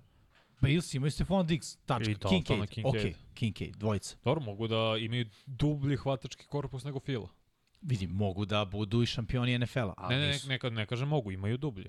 To je- Nemaju. Nemaju. Ko? Gabriel Nemaju. Davis? Samo AJ Brown i, I- Devonte Smith su bolji od Ja nisam rekao da trojice. imaju bolji, ja sam rekao da imaju dublji. Više opcija da raspolažu napadu. Ovi fali kader koji ne igra, ko je hvataš broj 3, Quez Watkins za. Evo neko, neko napiše Nema, koliko nema, za Kius nema, ima nema hvatanja. potrebe, nema potrebe. Ja Ova mislim da dvojica nema imaju bolju statistiku od ove četvorice. Imaš Swifta, Ja nisam rekao da su bolji, ja kažem da imaju dublji i da Pa imaju zašto bi gađao trećeg i četvrtog ako mogu gađam prvog sve vreme? Pa zato koji što će je taj dupati prvi da protiv Chiefsa imao jedno hvatanje. i na jednoj utakmici ove sezone. Zato što su Chiefs sam sebi pucali noge. Dobro, pucaći i Bills ako Koliko treba. su puta bre. bili si pucali sami se. Oni su uh, pucali u obe noge i u Definicija obe ruke i pucača. Znam. još, jednu, Ja još mislim da jedan se to poraz neće desiti imaju. na ovoj utakmici. Evo, zato Dobro, i okej. znaginjika Billsima. No. On interception što je Josh Pa da Allen ne bacio, padneš od tolikog naginjanja. vidjet ću, naginjao sam i na Browncima pa su pobedili Steelers, ali ovo... Naginju si na Chargerse, Borazeru, pa si se sapleo, pao i razbio. Zato što volim Chargers, navijam za njih. Uvek biram svoje, za razliku od drugih koji nekad i ne A. biraju svoje ekipe. ja biram da pobedim, bre. Te poenta iz b- Ja je biram da svoje da i uprkos tome pobeđujem, to je skroz okej, ali mislim da se neće okliznuti ovog puta Josh Allen. Zaista to. On interception što je bacio na kraju prvog polovremena je bio kao punt. Što često ovde opravdavamo kao okej Da, to, interception. to je okej. Okay. Ne, ja uopšte ne računam greške Josh Allena. Jednostavno, Josh Allen na ovoj utakmici mora da igra najbolji futbol koji je igrao u karijeri. Josh Allen ne igra najbolji futbol u karijeri ove godine. Uzmemo uzorak ove godine, Josh Allen, osim izbaci jedan interception ili dva koje je bacio za potencijalni pantima, posle Sema Howella najviše izgubljenih lopti u NFL-u. Josh. Allen ove godine je frustriran zato što ekipa ne radi dobre stvari u napadu. I ta frustracija Josh Allen uvek dolazi kada ekipa gubi. Zato kažem, ako Fila povede, Josh Allen ne može da vrati Bills u igru. Koliko su Billsi ove godine imali comeback pobeda, a žive od toga u eri Josh Allen?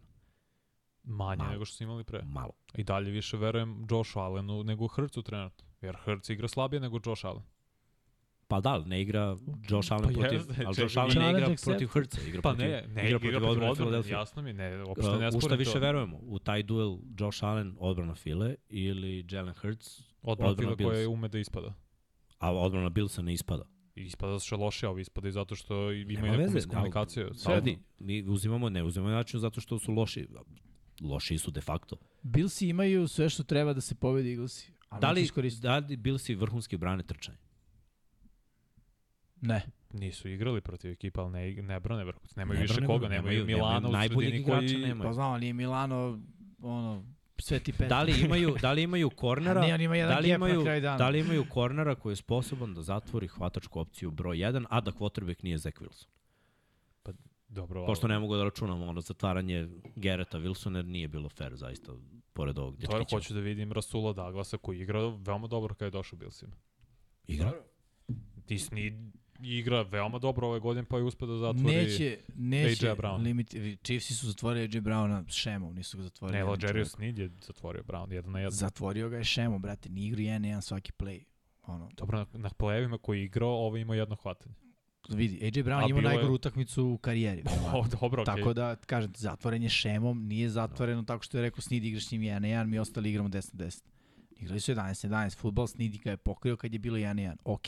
To se desiti neće protiv Bills, sigurno. To se desilo jednom ove sezone. Znaš. Svaki hvatač mora da ima jednu lošu Bilo je tekmu. više za Brown. Na početku godine je igrao loše, pa onda je uhvatio niz od šest utakmica. To je činjenica, to nije sada To- ja izmišljam to se desilo. Dobro, dobro, okej, ali ja samo mislim, znaš, je loše, ali ne ovoliko Znaš da će. Bills se koštati na utakmici kao i svako, izgubljena lopte. Josh Allen će imati ono sep stake fumble, uh, imaće interception i ono, to će da prelomi utakmicu na kraju dana. Mislim, realno, kao i uvek. I odustajanje u trčanju. Idu na gostovanje, to je Biće uvek, teško. to je Je, uvek teško. sve- Da igraju kod je kuće. Da igraju kod kuće, druga priča jer navijači malo prave onda problem. Eh. Imaju dobru atmosferu na, na, na stadionu. To, to je njihova prednost. Igraju bolje kod kuće, imaju tendencije da dobijaju tekme kod kuće. Na gostovanju nisu bili dobri. Mislim, ove godine su na gostovanju izgubili od New Englanda, prvo od Jetsa u prvom kolu, pa su izgubili od New Englanda na gostovanju takođe. Mislim, ja jedva čekam da vidim šta ću raditi protiv Majamija, pošto i tamo idu na gostovanje, sad idu, brate, Fili na gostovanje. imaju težak niz, pritom Bills imaju jako težak raspored. A moraju da dobiju sve. Za njih je sad ovaj pritisak veliki jer, dobro, ne moraju sve, lažem, ali moraju da dođu do četiri pobjede do kraja Tako je. sezone. U od sedam utakmica, jesno. Mislim da je to jako teško za Bills. Kreće prpa, polako. Ok, moraju da reše nešto u diviziji, vrlo važno što su dobili Jetce, pa je da kažemo, podelili su s njima. Moraju da dobiju Patriots, iskreno dobit će Patriots, igraju Da, da. kod kuće.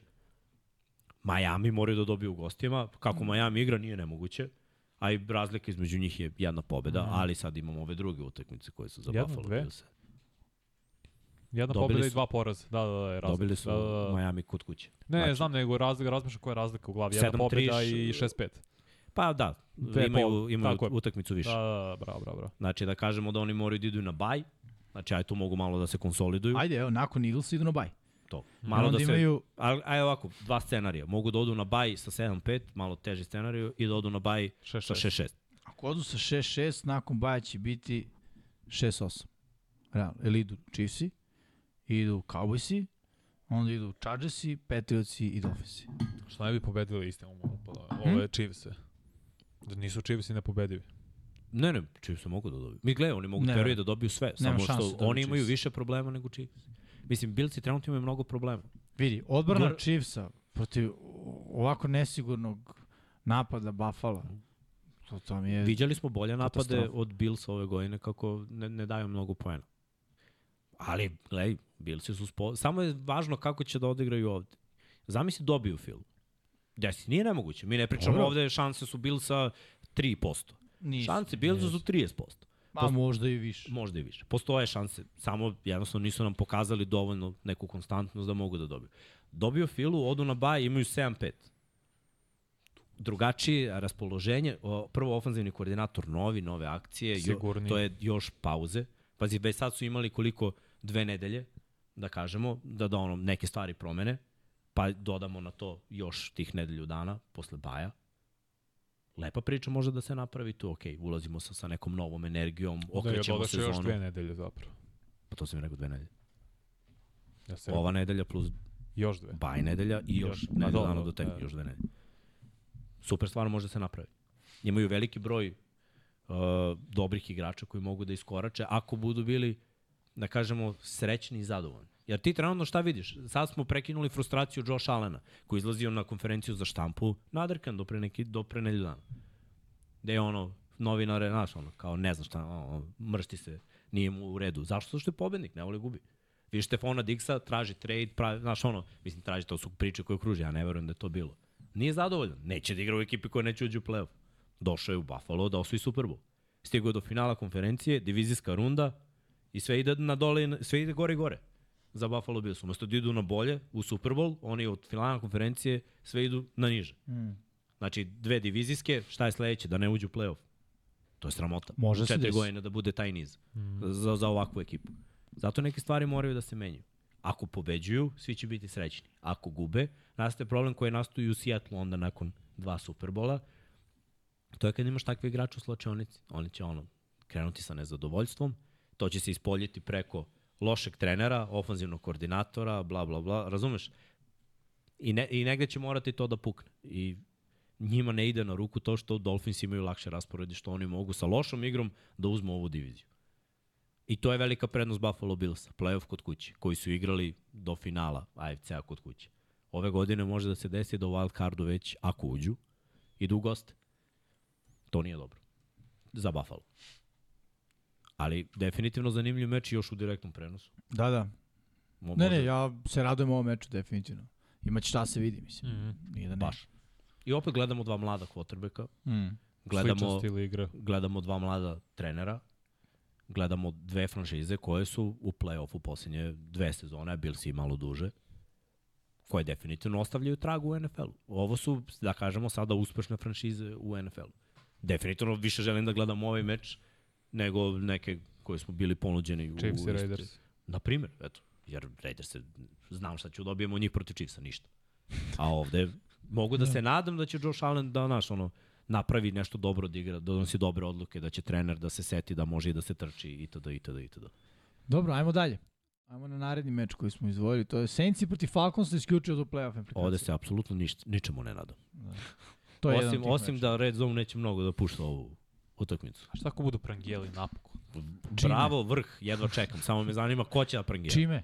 Hajnik i, i Derek Carr. E, Heineken da startuje. Reader startuje opet. Opet Reader. Pa mislim da Reader startuje. Sjajno, Makar nije je konzervativan Reader, ako ništa.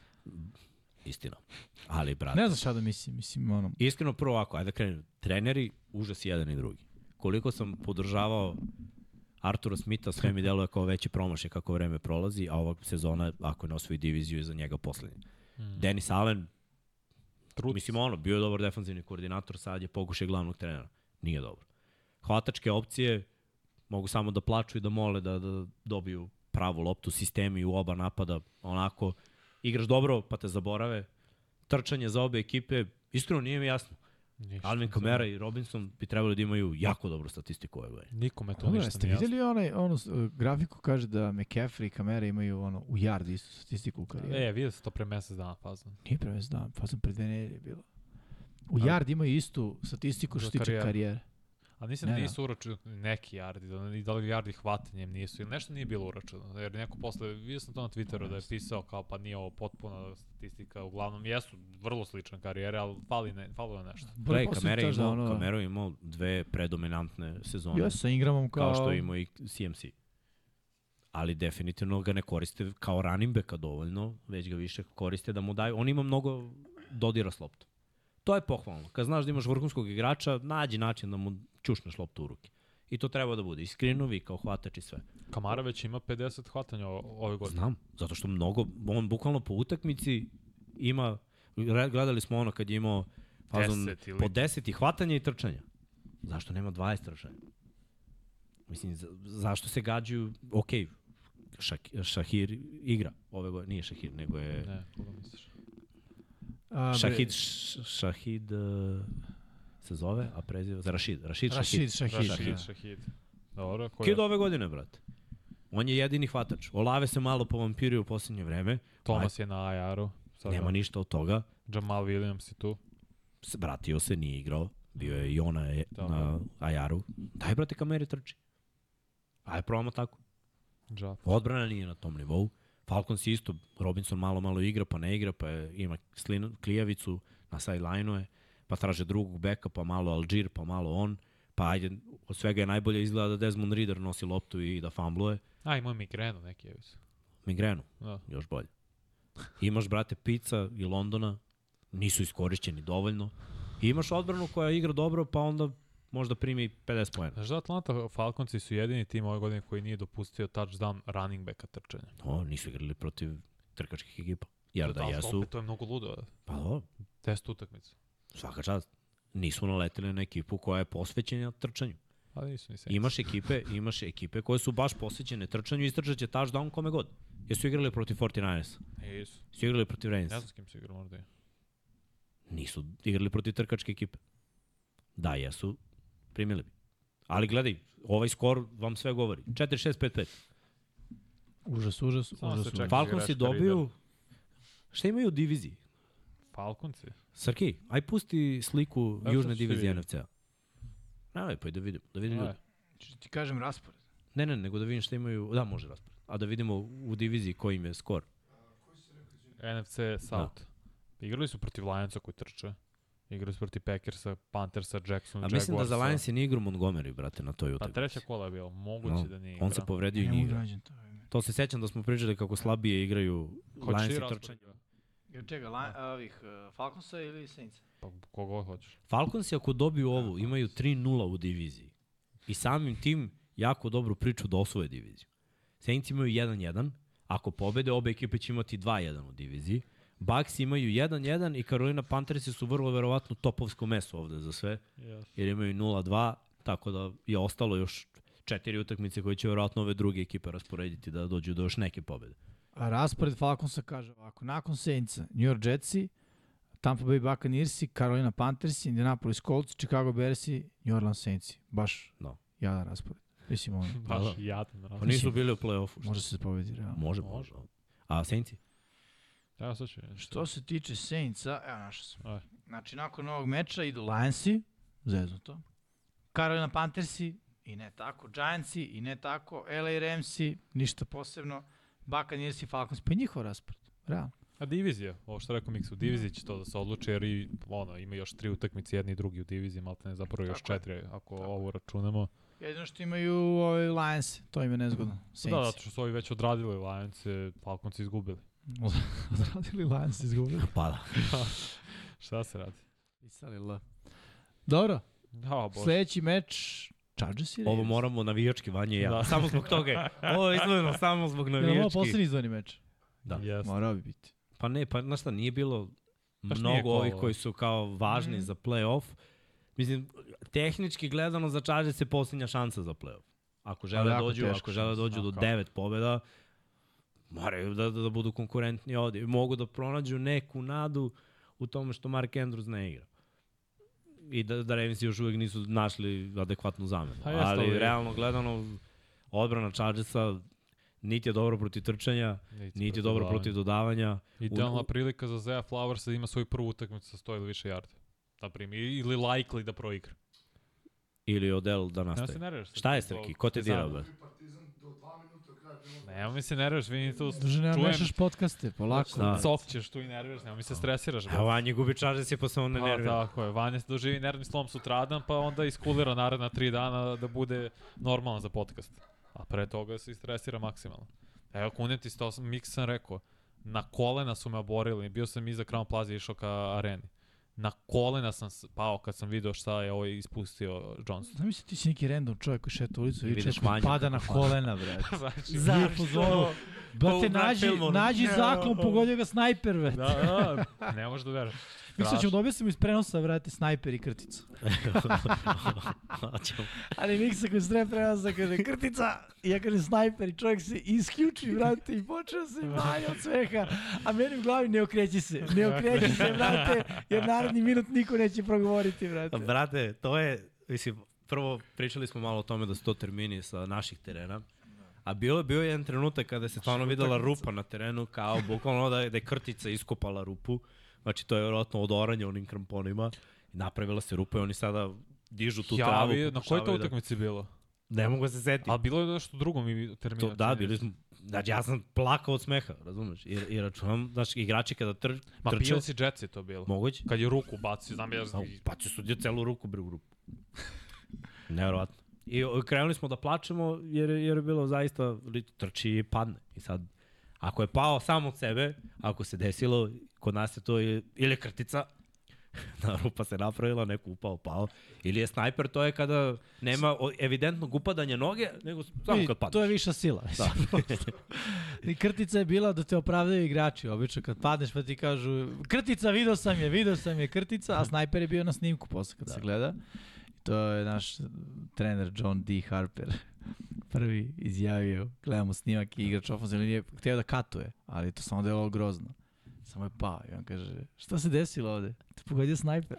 A, to je američki izraz što u NBA koristi kad nekomu slomiš na zglobove. Dobro, kod nas je za košarku bilo ono kor od banane, Mm. naročito kad odeš ono po burek. Da. Po burek, Po burek, da, kažem. isto. Ili meni, meni s mesom. Da. Donesi jogurt.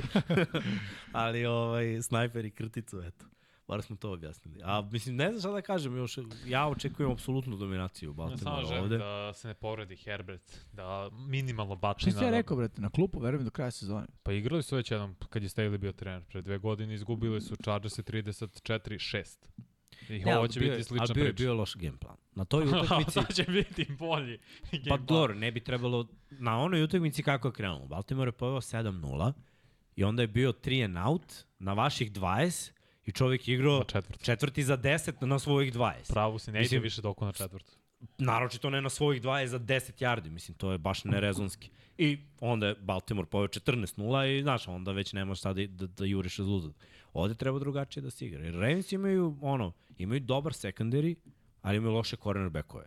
Tu treba da se napada. Pravi čovjek za taj posao jeste Herbert. Ali ofenzivna linija mora da mu pruži 3 sekunde da, ili 2,5 da on to pronađe protiv ekipe koja ima najviše pritisaka, najviše sekova i odbrane koja Da. dozvoljava najmanji broj poena u, u NFL. Li dalje? I dalje. 16,5. 16,1. Nije, nije baš ovaj. Mislim, možda je Dallas sad. Može, ali ne, ne, ali pojma, je izgubio. Pogledaj. Da. Mislim, Dallas šta radi, Ali sad su da, 10 dozvolili, prethodne A, šta nedelje. radi i maltretira, brate, mla, mlađe od sebe. Slabije od sebe, zapravo. Mlađi od sve. O, Sam Howell mlađi. E, imamo još nešto dodamo, ja ne znam šta bih rekao. Ne znam, pa da, pa posljednja nada za, a za Ravens, San ako, Francisco je prvi.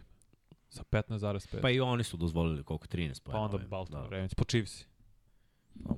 Ajmo, ajmo na sve ostalo. Ajmo na ostale utakmice. 12. mnogu nedelju, jer ovaj, smo imali. Nije da Thanksgiving. nema. Svi Imamo igraju ovo šest kolo. u sedam i četiri u Svi deset. igraju ovo kolo, znaš? Pa dobro, 6 i 4 meni super. To ti kažem. Jako dobro, ako sam gledao raspad, bio sam u zoni, ima- ima- bit će redzon, dobar. Da. Kažete, Da. zato što niko nije na baju. Da. A da li imamo četiri utakmice pre nedelje? Jeste, Mislim, ja pa sam da. navikao na devet ovom prvom terminu, što je konfuzija, Jest, apsolutno. Ili osam.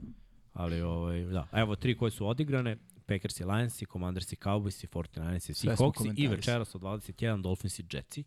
To, toga nema u direktnom prenosu, morat ćete da nađete igra? negde. To je izašlo kao vest. Jel da, zvanično? Mhm, zvanično je ono ruled out.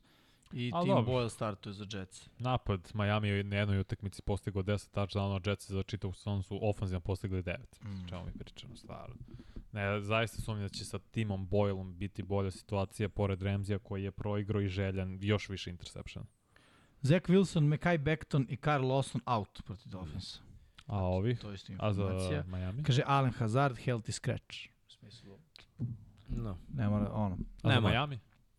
A, Ej, Chain, Samo on. samo on. Malagani Miami, nema tu. Oni idu na prvo mesto u diviziji. Sad već mogu da naprave separaciju dve pobede u odnosu na Bilse, što na Bilse stavljaju još da. veći pritisak. Saints i Falcons i rekli, Steelers i Bengalsi. uh, Da igra Burrow, da. najavili bi. A ovako, ništa, ne znam, opasna ekipa koja promeni quarterbacka. Mislim, oni ga nisu promenili, što najgore. Mene više brine da li Steelersi mogu da daju više poena Pa, u sad je, napadu od Bengalsa Vidio. sa rezervnih potrebe. imamo ono, dve opasnosti alert na ovom meču. Ekipa koja ima novog quarterbacka, ekipa koja ima novog koordinatora. Da. Ne znam se šta je opasnije, realno. Mislim da ovi s koordinatorom su zeznuti. Čekaj, skori, Buro skori gami da ovo očekujemo. Nešto ne, ne Vidi, nerešeno, ja sam rekao. Ovo je prvi kandidat za nerešeno. Stvarno treba da upisujemo kada biramo od uh, prognoze i nerešeno. Pa ti upisuju, ali ja ne bi to bilo. To mi je, ne, ozbiljno, zato što to mi je kao da igraš Pa ne, nulu. da, bre. Pa znam, No. to treba važi više. Da. Panthers i Titans i takođe igraju ovaj okršaj loših ekipa. Buccaneers protiv Coltsa. Još jedan. Pa. A, Pa za Bucks je vrlo zanimljivo. Jeste. Mogu play, Coltsi su wild card, ono, in the hunt. Pa dobro. Imaju 5-5, mislim. dobro i Coltsim, pazi, mora i da proigra Jonathan Taylor. Nije do sad imao 100 yardi trčanje. No. ali ne veze, doprinosi. Ne, doprinosi svakako, nije to sporno, samo i da trčanje opet, mm. on i Mm. Moss imaju, ne znam, 150 yardi na utakmici zajedno, na primjer. 30 nošenja. No, ajmo Tako dalje, je. ajmo dalje. Ajmo dalje, Srki. Nije toliko loše. Od 19. No, dobro.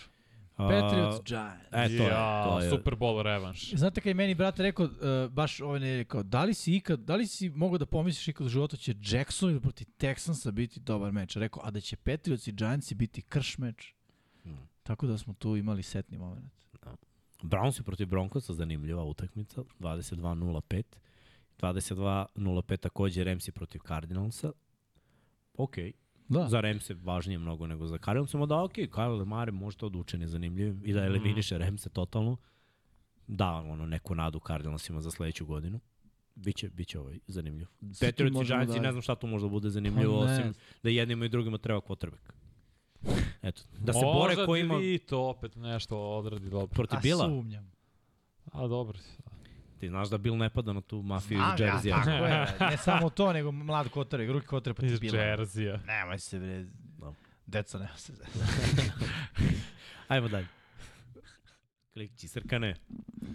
Chiefs, Chiefs Raiders, protiv Raidersa 22-25. Za Chiefs prilika da se vrate na pravi put u AFC-u. Za Raiders prilika da, da iznenade ozbiljno, ali teška priča. Teško. Mislim, Pa- namučit će ih, to je neko moje očekivanje, ali pobjeda Chiefs. Pa i ne verujem da će ih namučiti. Uh, Buffalo Billsi protiv Eaglesa, To to, smo već ja- rekli, jako dobar meč. Ravensi protiv Chargersa, Sunday night, Monday night, Bearsi protiv Vikingsa. Ovo je isto potencijalno... Dobar ba, Ali više važno bude za čak- Minnesota, znaš, zato Pa, Da, da. Za Minnesota, a za Bearsi ništa nije važno, neće play-off, tako da, zato i nisam ni izdvojio da pričam, ali eto, Minnesota mora reši kod kuće, igraju divizijski rival, treba im sedma pobeda, prava prilika. Jako važno za Minnesota, realno. Jer ovo je meč na kome ne sme se okliznu. No. Da bi išli u playoff. Ćemo prognoze? Ajmo, to, to nam je ostalo. Prognoze na, za narednu nedelju. Detroit protiv Green Bay-a. O, već Srđani. pišemo promaše, ali Erceg i Veliki Srki su pogodili izabravši Green Bay, mi smo ostali birali Detroit i failovali. Dallas, Washington, svi smo birali Dallas, svi bili u pravu. Cisco, Seattle, svi birali Cisco, svi bili u pravu. Šta te nateralo novo, brate moj napaćen? To se tiče... Šta sam ja izabrao Jetce? Nemoguće. Ljudi, ovo nije moguće. Imaš još Ne, ne. 20 minuta da promeniš. Ovo nije moguće. Promeni, Ovo- promeni. brate, ovo je ne mogu greška. setim, iskreno Ne, ne. da... E, sinoć je meni miks, e, miksa popunjavao za mene, jer nisam mogao da uđem u shit, ali ne sećam se da smo videli da je stavio Jet. Zaista ne mogu setiti. Nisam gledao Jimmy u kolonu, ali promeni još uvijek Brate. imaš. Sad je vreme da, da Samo ovaj... da razmislim malo. Čak i. Srđan birao Miami, a ne Jet, ne Možda si svoje. vidio da Joe, Neka ga. Joe Ne, nemoj, ne, baš šta. Ne, Neka ga. Ne veruješ u Ne, Miami? Neka. Ne verujem u Miami. Ne verujem. Rekao sam da je opasna ekipa koja promeni quarterback. Koliko stoji ta teorija. Plus ne igra A-Chain. Evo, pa kao Ajde dalje. New Orleans, Atlanta, ja i Miksa biramo New Orleans, svi ostali Atlantu. Kako će opet Arthur Smith da me razočara čovjek. Interesting. Pittsburgh Arthur protiv, Smith, kako će cijela ekipa Saintsa da me razočara, brate. Pittsburgh protiv Saintsa. Pittsburgh biramo Miksa, Vanja i ja. Bengals. Protiv. B- uh, Cincy, izvinjam se. A Cincy biraju Erceg, Veliki Srki i Pablo. Ne mogu da verujem u Browninga, Ne mogu, zaista. ne, mogu, ni ja- brate, ne, kako? ne znam šta je, ali ne, ne mogu. Bar verujem u odbranu Steelersa. To- Apsolutno. Ona me nije razočarala. Apsolutno. Karolina protiv Tennessee, u Karolinu verujemo ja i Srki. Vi ostali u te, A ne mogu. Bryce'a Younga da verujem. Pa dobro. Ja da, volim da. Younga, stvarno volim, ali Ja ga ne volim. ja ve, više verujem u Jeffrija Simonsa i Medveda koji predstavlja... Znaš u što ja verujem? U potpuni raspad Titansa. Ali I da Vrabel dobije otkaz na kraju. Pa dobro. Ne verujem da će Vrabel dobiti otkaz. brate- Sad sam pročitao, danas sam pročitao vez da mu je posao siguran. No, znaš ko mu dolazi? Znaš ko mu dolazi? Frank Reich. Kog zna dobro i njegov sistem jer je bio tu u kolcima. Ono, Stara mušterija. Do, dobro, dobro. Ja Dolazi samo, mu Frank Reich koji će bude u fazonu. Hm, oni dobro brane. Dodavanje imaju agresivnu. Defensivnu Nijemo loše gotreka, igramo dodavanje. Tako je. Mislim da bi trebalo 40 puta Bryce Young da baci na ovoj utakmici. Tilan je jako dobro ove godine, da ga iskoristimo. Jeste. Mislim da Karolina ima šanse. Indianapolis protiv Tampe, u Tampu veruju Vanja i Miksa. Mi ostali ne znam verujemo u. Indianapolis. Stvari znam, zbog Bakera sam birao. Da. Više verujem malo u Baker nego u Minshaw. Dobro. Uh, Giantsi protiv Patriotsa, u Giantse veruje Vanja i Pablo, mi ostali u... Idemo, to mi bre. Uh, Houston protiv Jacksonville. U Houston verujemo Pablo, Erceg i ja. U Jacksonville veruju Vanja Miksa i Srki. E, ovo je dosta ove nedelje ima kola koji igraju loši timovi. Mm. Tako da je baš ono po 50-50 stvarno da se odabere. Cleveland protiv Denvera. U Denver veruju Erceg i Pablo, mi ostali u Cleveland. Idemo, Milesa, Gerete. Odbrane, Da. brate. Jeste. Odbrana Cleveland je ja konstantno ove godine. Da. Uh, Arizona protiv Ramsa u Arizonu verujemo Pablo, Vanja i ja. A Rams, ve, u Ramse veruju Miksa, Erceg i Srki veliki. Idemo Kyler, ja. lagan. A ne, imam simpatije, posao. imam neke Ima. simpatije prema tim Ramsima. Izdelili smo se se. baš ne volim. Izdelili smo se ovde, zanimljivo. Uh, Chiefsi protiv Vegasa, uh, svi verujemo u Chiefse. Buffalo protiv File, samo Vanja veruje u Buffalo. Ba Baltimore protiv Los Angeles Chargersa, samo Vanja veruje u Chargerse. Minnesota protiv Chicago, Erceg i Pablo veruju u Chicago, mi ostali u Minnesota. Kažem, ša, šareno smo bili. Jeste, baš šara. Što je cool. Skroz. Da, Može svašta da bude. To je to. Idemo na pitanje i odgovore, a? Nikad efikasniji nismo bili. Pa, brate, eyes on the prize. Utakmica u 9. Ajmo ljudi, pucite. Imamo 19 minuta da izodgovaramo na Da pitanja. stignem na drugo polovreme. Pa dobro, š- nije drugo što. Ali drugo četvrtina. To ti kažem. Kaže, je Arena 5 ovog vikenda Red Zone? Pa mislim da je sad standardno na petici. Nisam Nemam pogledao. Nisam, ne mogu vidim sad. Pravo da vam kažem, mi dođemo tamo i pitamo gde smo. Da. Jel petica? Petica. To je to. Ću- Dva puta nismo bili, no. jedan smo bili. Bilo je jednom na areni. Trojka ja. i Kec. jedan na ket. Da. Da. to i ostalo sve petica. Sad od kako se zahuktalo. A ovo je ovo poslednje što je poslato je za sledeću nedelju. Šta? Poslednje što je poslato je za sledeću nedelju. O, uključujući početak decembra. Da. No. Yes. A sad ću vidimo. Samo sekund, znači treba mi drugi. Imamo pitanje? Pa trenutno nemamo. Sve jasno. Što bi se... Da. Ajde, to sačekat je ćemo. kada, malo. kada ovaj, imam sastanak sa Kaže- ekipom. Čika Miksa može Hill touchdown, a Boyle under. Može. Evo, Miksa. Ali da li će Boyle da igra? Jer će igra flako. Bre Smo Flako? sigurni. Nije igra Boyle. Zašto Flako da igra u Jetsima? Flako je u... Kako nije deo Jetsa? Jest, Red? Zone je na... Nije, Flako je došao u Sinci. A, Sejnce? U Sinci. Baš ih meša. Stvarno Da. Sinsi? Da, da, potpisao. Da, jeste, Arena Sport 5. Dobro. Brate, Joseph Vincent Flacco an American football quarterback of the Cleveland Browns. A u Brownci, izvini, bravo, bravo. E, stalno ih mešaš, brate. Da, Te ono... jeste, AFC Sever, pa to je to. To je Ja, naranđasto. je Naranđasto, u- Naranđasto, brate. Vere mi da sam bio u kvizu, ni, znači da su, kao Browns je odgovor rekao odmah eliminišem, Da, to ne bi ni razmišljao o tome, brate. Ja bio u Jeste, fazonu, jeste, da. po ovom mislim, među dva odgovora. Ti prvo sam u poteri, kao tri odgovora. ne znam zašto, jako mislim, imaju quarterback koju bojicu, šta će mi Flako. Da. Pa da. Onda Boyle definitivno može da bude under. Jarde, osim ako nije 50. Pa, možda 200. Šalim se. Ma 200 je mnogo. Pa ne znam. Zach Wilson nije vidio 200 u životu. Jeste, nemoj Pa tako dobro, vezo je četiri utakmice sa 240 ili više, evo tako. Ne, imam Ze, Zek, a mlađi Brozer igra vrhunski. Čim mlađi burazer? Zeka Wilsona. Gde igra? U srednjoj školi. kida. Stvarno je, on poslednje godine na srednjoj školi oborio je rekord za državu Vanja, Juta. Imao je, Srednja škola, dobro, pa čoveče. se moram pohvaliti, dečko oborio državni rekord, skoro 60 Hvali 6000 mene na yardi poslu, dodavanja. brate. Ja isto kidam. Pa ne, Srednja zez. škola, brate. Srednja škola, je. Osvoje je državni, državno prvenstvo. Pitaju zašto nema prenosa danas, Filipe, nema prenosa danas, zato što nemamo to u paketu. To Poseban je paket ubačeno, da. Hmm. Mislim da Amazon radi. Pa da, Jest. zato što... Tako To nema, to ulazi kod nas četvrtak, nedelja i ponedeljak. To je i playoff i red zone, tako da ovo ostalo Vidjet ćemo ne ulazi. subotom šta će biti. E, sam ću reći ovo, znači, uh, na nekim kladionicama Boyle ne postoji uopšte kada se igra. Da, da. Se ne zna ko će da igra. Ja Kako si igrao, da- kogod je pitao, nek, nek Da, da. gde je igrao. Gde si, gde si našao Bojla, brate? kad To. se skine Wilson opet, kao, idemo s Wilsonom. Ja sam Boyle. Jimmy Franco reci gde si našao Bojla, ali bolje preskače, brate, to. Nemoj da se, da se nerviraš, brate, na te... Ima Ma dosta igraj toga da manje, se odigra. Ma brate. igre manje. Kakav boj. Ne bre, igre bre Briscoe preko jarde. Ko? Šta Miami, Briscoe. Briscoe. Pa dobro. može. Miami ne možeš braniti. Igri trče. tu. U stvari, vidiš, Interception tu. Dolphinsi i da, uh, Dolphins, Jetsi dalje nisu dozvoli quarterback u 300 ili više yardi dodavanjem u koliko sad, 27, 28 uzastopnih utakmica. To je Znaju to i ovi što račune. Pa znaju, naravno da znaju. A eto, možda prilike. Ko vam je ostavio bolji utisak u Monday Night Footballu? Fila, mene je u prvom razočarala Fila, a u drugom Kansas City. Vidite li reprizu Superbola? Pa mu, vrlo verovatno. Jer je samo bitno šta se radi u play-offu. Ovo je regularni deo sezone, sve super, ali se gledaju dve stvari. Da budete prvi u diviziji mm. i da budete uh, domaćin u play-offu. Ako je moguće kroz sve utakmice, onda definitivno. I onda kad pogledamo raspored svih ovih ekipa, kakvu diviziju imaju Chiefsi, vrlo verovatno da, da, da će oni biti prvi u AFC-u na kraju, da se malo šalimo, ali mislim Ravens imaju takvu diviziju da je jako teško da, da je očiste do kraja i da dobiju sve utakmice. Čeka ih i Cisco takođe. Mm. Mislim, ajde, imaju neki lek protiv Ciska, ako uzmemo uzorak od Superbola pa nadalje. Dobro, ko vam je ostao u diviziji? Šta je još jednom Steelers? To je vrlo napeto za nas. Ma dobit ćete. A za Chiefs ništa nije napeto u diviziji. Dobit ćete. U principu. Izgubili su jedno i mislim da je to to. Ali kad pogledaš, ako budu prvi, playoff ide kroz Arrowhead, ako budu prvi kroz Lincoln Financial Field, odrade posao, dobiju sve u play-offu, imaće jako teško finale konferencije, jedni i drugi, reše to, idu u Super Bowl, nije nemoguće. Problemi za sve ekipe ove godine postoje. Nema ekipe koja igra dobar futbol cele godine. Svi imaju usponi padove, pitanje je koliko i koliko su utakmice uspeli da dobiju sa tim usponima i padovima. Fila ima 9-1 najbolje je izašla iz tih uspona i padova, iz grešaka. Za sada ne može da se spori da je to najbolja ekipa u NFL. Sve druge ekipe kad su bile uh, suočene sa svojim problemima, gubile su bar 2-3 puta ove godine.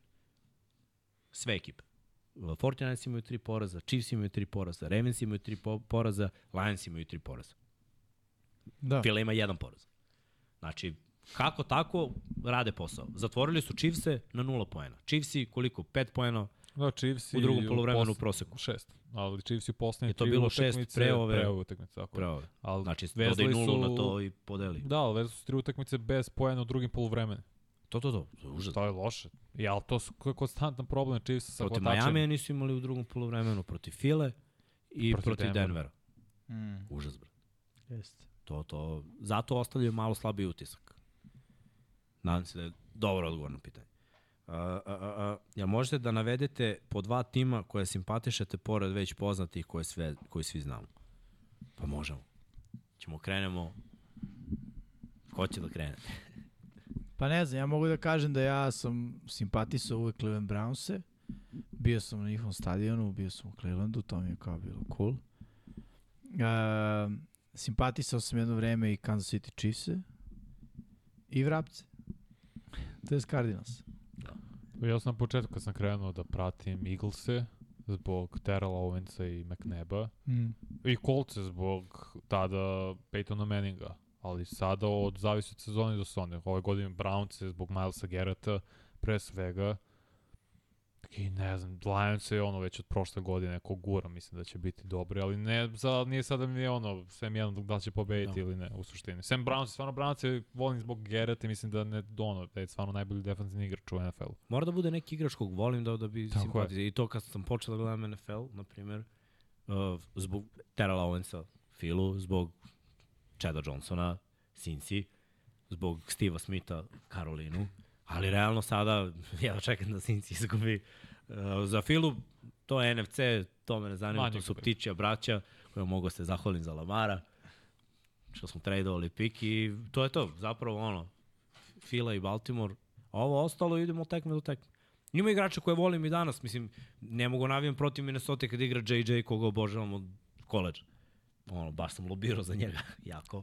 Burazir je isporučio. Tako je. Pa isto, Pritom je ono NFC ne utiče preterano na, na, Pazi, na Baltimore. ja kad sam igrao uh, Madden online, igrao sam sa Buffalo Billsima, sa Fitzpatrickom i sa, brate, Jackson Jaguarsima.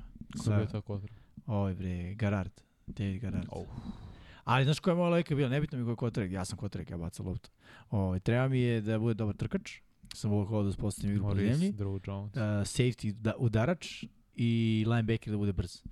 I pošto ja igram s linebackerom ili sa safetyjem, u A ne igraš sa Endom? Moja, No, ja sa endom igraju ljudi koji ne znaju, veruj mi. Ja sam i taj koji ne zna, ja sam igrao sa. Endom. Zato što samo drndaš na joystick, nemaš pojma šta radiš ako prođeš, prođeš. A na linebackeru realno imaš šta da radiš. Pročitaš, Da. da li je coverage, da li je run, da li je blitz, Jest. zavisi šta biraš koju akciju. Da. je bilo samo bitno stignu do quarterbacka. A kad sam prvi put igrao Madden, igrao sam kao sezonu sa Chiefsima. To mi je bilo što je igrao Pris Holmes tamo, Trent Green je bio QB i ne znam, Tony, Tony Gonzalez. Gonzalez. Da, da. Jeste. A, ali uvek sam birao ekipu online koja ima jakog linebackera i safety udarača. To je ono što je meni važno.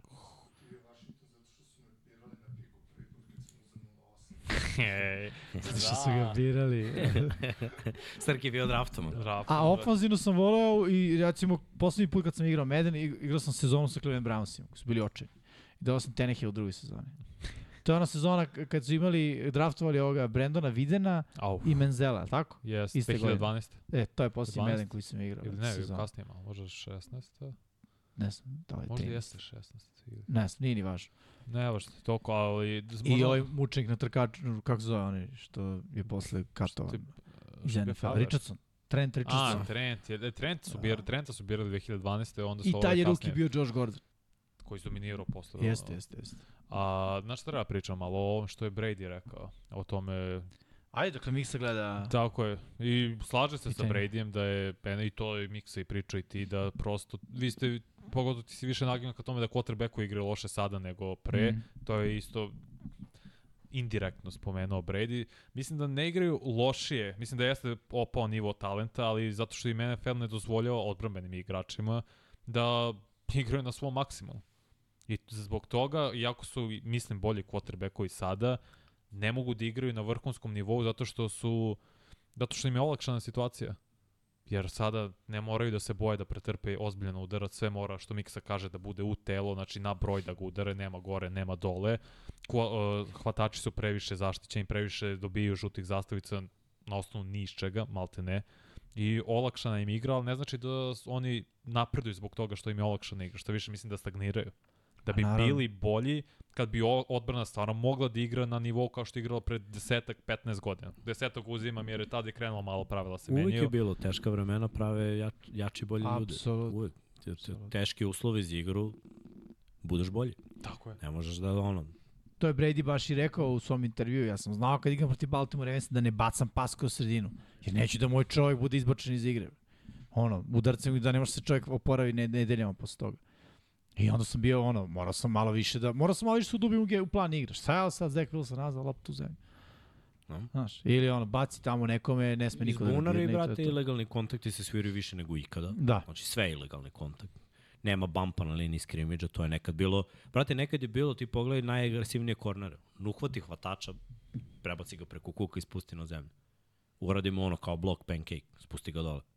Danas mora da odradi udarac jednom rukom i da pogodi shoulder pad i da ide u back pedal. Ako slučajno pogodi kacigu ili povuče malo dres, pe, uh, holding ili illegal use of hands. Da. Svaki drugi play. Ma, malo je sve to izgubilo smisla. Pritom, opet kažem, quarterbacku imaju više vremena, imaju tekmu više, imaju više pokušaja, ali ga orijentisana više ka dodavanju. Hvatači sada, top 5 svi imaju 1000 yardi, top 5 running backova, jedan ima 800, niko nema 700. Da, mislim da CMC ima skoro 1000. 900. računam On ima, da, sad posle ove tekme Da, imao, imao je 800 pre ove utakmice. Ali niko drugi nije prešao 700. Svi drugi su na 600. Zato Što, što govori o tome da svi kapiraju, brate, mnogo ćemo lakše ovako do novog prvog dauna. Hvatači će pred da imaju 1000 yardi nego što će da imaju trkači. Ono, na kraju krajeva zbog toga dobijaju i više para i sve, sve to ono, jedan od bezveze načina kako se okreće NFL i postaje sport koji nije onaj sport koji je bio. E, ali da li je zanimljiviji, mislim, bez uvrede, ali od NBA, brate, koji je izmišljen. Ne, to je katastrofa sad u NBA. Pričali smo o tome miksija. Kako je 300 to utakmica bilo pre. 157, 152. Pritom kao in-season tournament. Šta je to, brate? Čemu A, to je manje važno. To je, Kobajage da bi se više trudili. Da, A šta, čemu služi? Šta je, šta je to uopšte? pa da bi se više trudili. Ja. A šta? Da bi se šta je Kao, kao nagrada? kup Kao kup. u sred sezone. Imaš, Računa se, pobede se računaju u regularni deo Dobro. za plasman, ali najbolje ekipe u, iz grupe, tih utakmica prolaze i igraju Četvrtfinal. četvrtinu finalu. I ko pobedi na kraju dobija svaki igrač iz tima pola miliona. Znači, toliko nisu motivisani Toliko da igraju. nisu Tako je. motivisani da im nude ono. Tako je. A i opet ne igraju kao... Ono NBA izmišlja stvari, brate. A, pa Da. mora. A zato što zato što popustili. igraju termin košarku i zato što svako, svaka zvezda preska... Ono, danas me boli ovo, obrva, ne mogu da igram. Mm. Mislim, evo, što, jedino što je pozitivno NBA uradio jeste što je sada za nagrade rekao minimalno 65 utakmica morate da igrate. Kogod igra manje od toga, ne može da bude ne može da bude niti u Znam, najboljim nije to petorkama. rešenje. Rešenje je smanji broj utakmica koji igraju. Da se utakmice učine važnijim, ako su nevažni. Iz 82 ili koliko već igraju, tebi je realno 40. Ali to je 40 nebitnih koliko utakmica. dugo igra 82 Ali to je to utakmice. istorija. Sve jedno, Onda samo sve gubi. Prvo, No a, gubi, brate. NFL je produžio ili ima više interesovanja. Ovde nema, brate. Sale prazne. Ali znam, nije ovako bilo nekad. Ha? To je problem. Ovako nije nekad bilo. Brate, prave se zvezdama ljudi koji su potpuni ono, brate. Slažem se zato što se ne igra odbrana, jer su i tu promenjena pravila, jer je toliko sada nastrojeno na tome da svi šutiraju trojke. Oni znaš šta treba da urade sa NBA? Da vrate ona pravila, ono, Detroit Pistons se, brate, da biju. Ne može, brate. Ne, što kintu da bi... Vidiš da niko više... Svi zarađuju pare, niko neće se bije. Nikome nije toliko To je stalo. problem, brate. Treniraju zajedno. Pa Je. jest. Svi se vole, brate. I svuda je ono, znaš, ono, neću se povredim, zarađujem mnogo para. Pa gledaj i ovde, brate, koliko ima. Znaš, Manje, nema više, manje. nema više tog neprijateljstva. Redko koje, Dobro, slažem se da, da redko je koje, to redko manje. koje ovaj, ekipe imaju ono, kao neprijateljski stav. Ja zato jedva čekam da vidim Cisku i Filu. Se vidi, ono, mržnja, netrpeljivost, Mhm. vidi se. Ono, napetost može da se seče nožem. Da, da. Cowboys se Filu, mrze se, brate. Tako je. Mogu se poštovati, ali se mrze. Ja čekam, gledam tu tekmu. Vidiš da je ono, gledaš da udariš nekog. Da, da, To vi- i San Francisco Dallas isto. Tako je. Jer Dala stalno priča nešto, a ne mogu dobiju. Cisco, znaš, vidi, to, to treba, to treba. Mm. Pittsburgh, Baltimore. Uvijek treba ta tekma, da, razumeš? Ružan je futbol, Cleveland, Pittsburgh. Kli- ali se mrze, brate. I tuku se. Jeste. I treba ti to da vidiš, ali toga u NBA nema. Redke su te utakmice. Baš dve ekipe koje će ono, bukvalno da se tuku do kraja. Toga, toga malo Dobro. fali. Naučio sam nešto. Uh, jel mislite da trebaju Giantsi da jure quarterbacka na draft? Da. Da. Odmah. Realno da. Da li će Vanja i dalje pisati power ranking jer su Chargersi sve niže i niže? Naravno Jaj. da će pisati. I sve niže, niže ispuštano. Pošteno. Vanja je objektivan. Navija, ali je svestan. Jel možete da navedete po dva tima? No, to sam pročitao. Power ranking je skroz objektivan. Jako Ako utiče pitanja. mikse na to da se digne Pitanje Baltimore. Pitanja. Pa Nisi ga digo, bro. Kad smo imali šansu, nisi nas podigao da budemo... To je Stavio bilo- sam vas druge, zato što je Jednom Fila smo bila mogli da prva. budemo prvi i to je to. Pa dobro, Fila, se, nisam mogu staviti za Fila. Ne može, pa naravno ne može. To se ja sprdamo. Treba pevamo što smo i drugi, brate. Realno nismo top 2 ekipa u NFL. Ali smo zanimljiva ekipa. Dobro, tako igrate. Mislim, to je opet... Mislim, power ranking kompleksna stvar. Ne 3 gleda minute kreće meč. Hm? Za 3 minute Aha. kreće meč. Dobro. Da ne dužimo. Pa dobro, to je to, da. Pitanje za Vanju, idu li Chargersi u playoff i zašto ne? Zbog Staley-a i jedva čekam da dobije otkaz da dobijemo krštenog trenera. Zaista se nadam tim spekulacijama da je Bill zainteresovan, jer mislim da Jima Harbaugh nećemo privući nikada. On je čovjek za Chicago Bears, igrao je za njih i delo mi neko ko bi volao da, da, da trenira Berse. Bi bio je nekad quarterback Michigana pa ih je preuzeo. Tako da je isto tako deli mišljenje da će preuzeti Berse kad tad. A za nas, Boga piti šta, šta treba da radimo. Jer mislim da nije Kellen Moore problem da treba da bude ofenzivni koordinator, a ne glavni trener. To nikako sada. Inače, imamo baš dosta pitanja za ovo što se ne prenosi. Mislim, ove nedelje to je, tri utakmice su već bile, plus tri utakmice u nedelju i Monday night, to je sedam i, i Red Zone su sve utakmice. Koje su tri utakmice bile? Dve. Dve. Sinoć je u dve, da, da. Tako Aha. da ono, u principu nije nikad rečeno da je uzet najjači paket. Uzet je paket za koji mi smatramo da imamo ljudstva da bude odrađen. Mm. I iskreno, mislim, nemoj da me shvatite pogrešno, ali niko od nas ne voli da radi, komentariše tri utakmice za redom, jednu za drugu. Jednu Pa za izgubiš drugom. intenzitet. Tako je. O, Ne isporučiš kvalitetno, je. nije to poenta. Mislim. on, ono što je Red Zone, ja mislim, doneo je mnogo više od svega što je bilo. Mislim, sve utakmice, svake nedelje. Najbolji potez. Uh, analiza akcija nikad nije bila. Emisija nikad nije bila svake nedelje.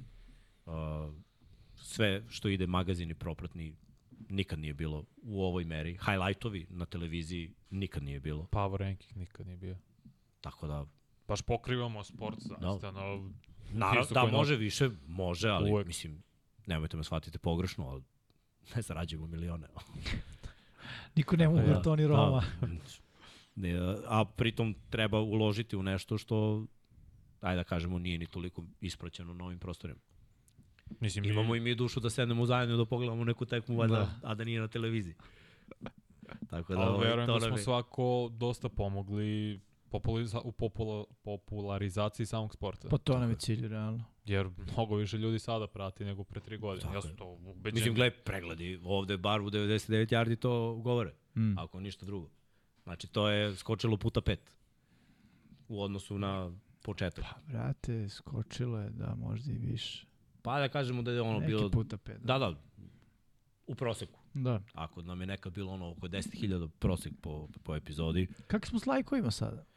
Za ovaj epizod? Pazi, nema mnogo ljudi u live-u, verovatno crni petak, pa svi Mm, odoše negde. Uh, imali smo, evo, 112 je lajkova, 164, 168 je u Pošteno. live-u. Tako da je, ovaj, da, 180 je bio maksimum. To je. Super. da kažemo, jako dobar proces. Jeste, sva, bravo ljudi, svaka čast. I hvala. Dobro, ćemo se odjavljamo, To to, da gledamo to. ove Jetse i Dolphinse. Idemo, idemo malo, gledamo mi utakmicu, gledajte vi. I to bi bilo to do sledećeg petka. Nadam se da ste uživali. Još jednom da vas posetim, lajkujte, nije vam teško, džabe, a nama znači. Subscribeujte se. Hm? posećaš ih. Da vas posetim. Pa ja posećujem. Ja sam, da napravimo kao ja sam- ono, ja sam podsetilac. posetilac jedan i posetilac dva. Ovaj, na, lajkujte, subscribeujte se, čekirajte, pomozite ekipi, budite patroni ako možete, ako ne možete, ništa gledajte, mi radimo pa radimo. Uh, budite naši svetioničari, još jednom da se zahvalimo našim sponzorima, Pepsiju i uh, Dogmi na Hadl pivu koji prave i nadamo se da se uskoro selimo u tu novu prostoriju gde ćemo malo više pro, ovaj, provesti vreme sa vama, da ćemo gledati neke utakmice, mm. malo više ovaj, NBA nego NFL, jer NFL naravno komentarišemo, ali sve u svemu bit će situacija kada ćemo moći da ispratimo i neki NFL takođe. Uh, nadamo se spremamo svašta još što može da se desi da, da, da ostvarimo. Bilo je pitanja za ovaj album, da radimo na tome da, da ovaj, pisali smo to da album za sledeće jesmo, javljali smo se ljudi, da, čekamo da, da, nam se, ovaj, da nam se jave proizvođači pa da napravimo neku saradnju ako bude. Naravno, vi ćete to znati prvi, a to bi bilo to, naravno. Pišite sve što niste pitali ovde, pitajte u komentarima, mi ćemo naravno da pratimo kao i svake nedelje, da diskutujemo i odgovaramo, a do sledećeg petka mi vas pozdravljamo, Srki će da pusti sve Patreone i viđamo se sledeće nedelje. Ćao. Ćao.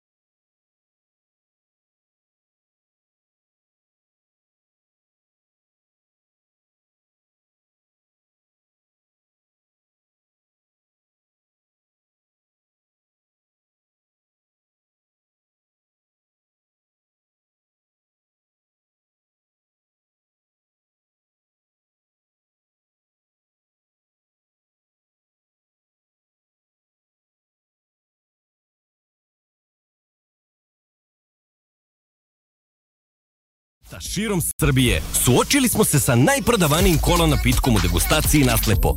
Više od 20.000 učesnika pridružilo se Pepsi izazovu.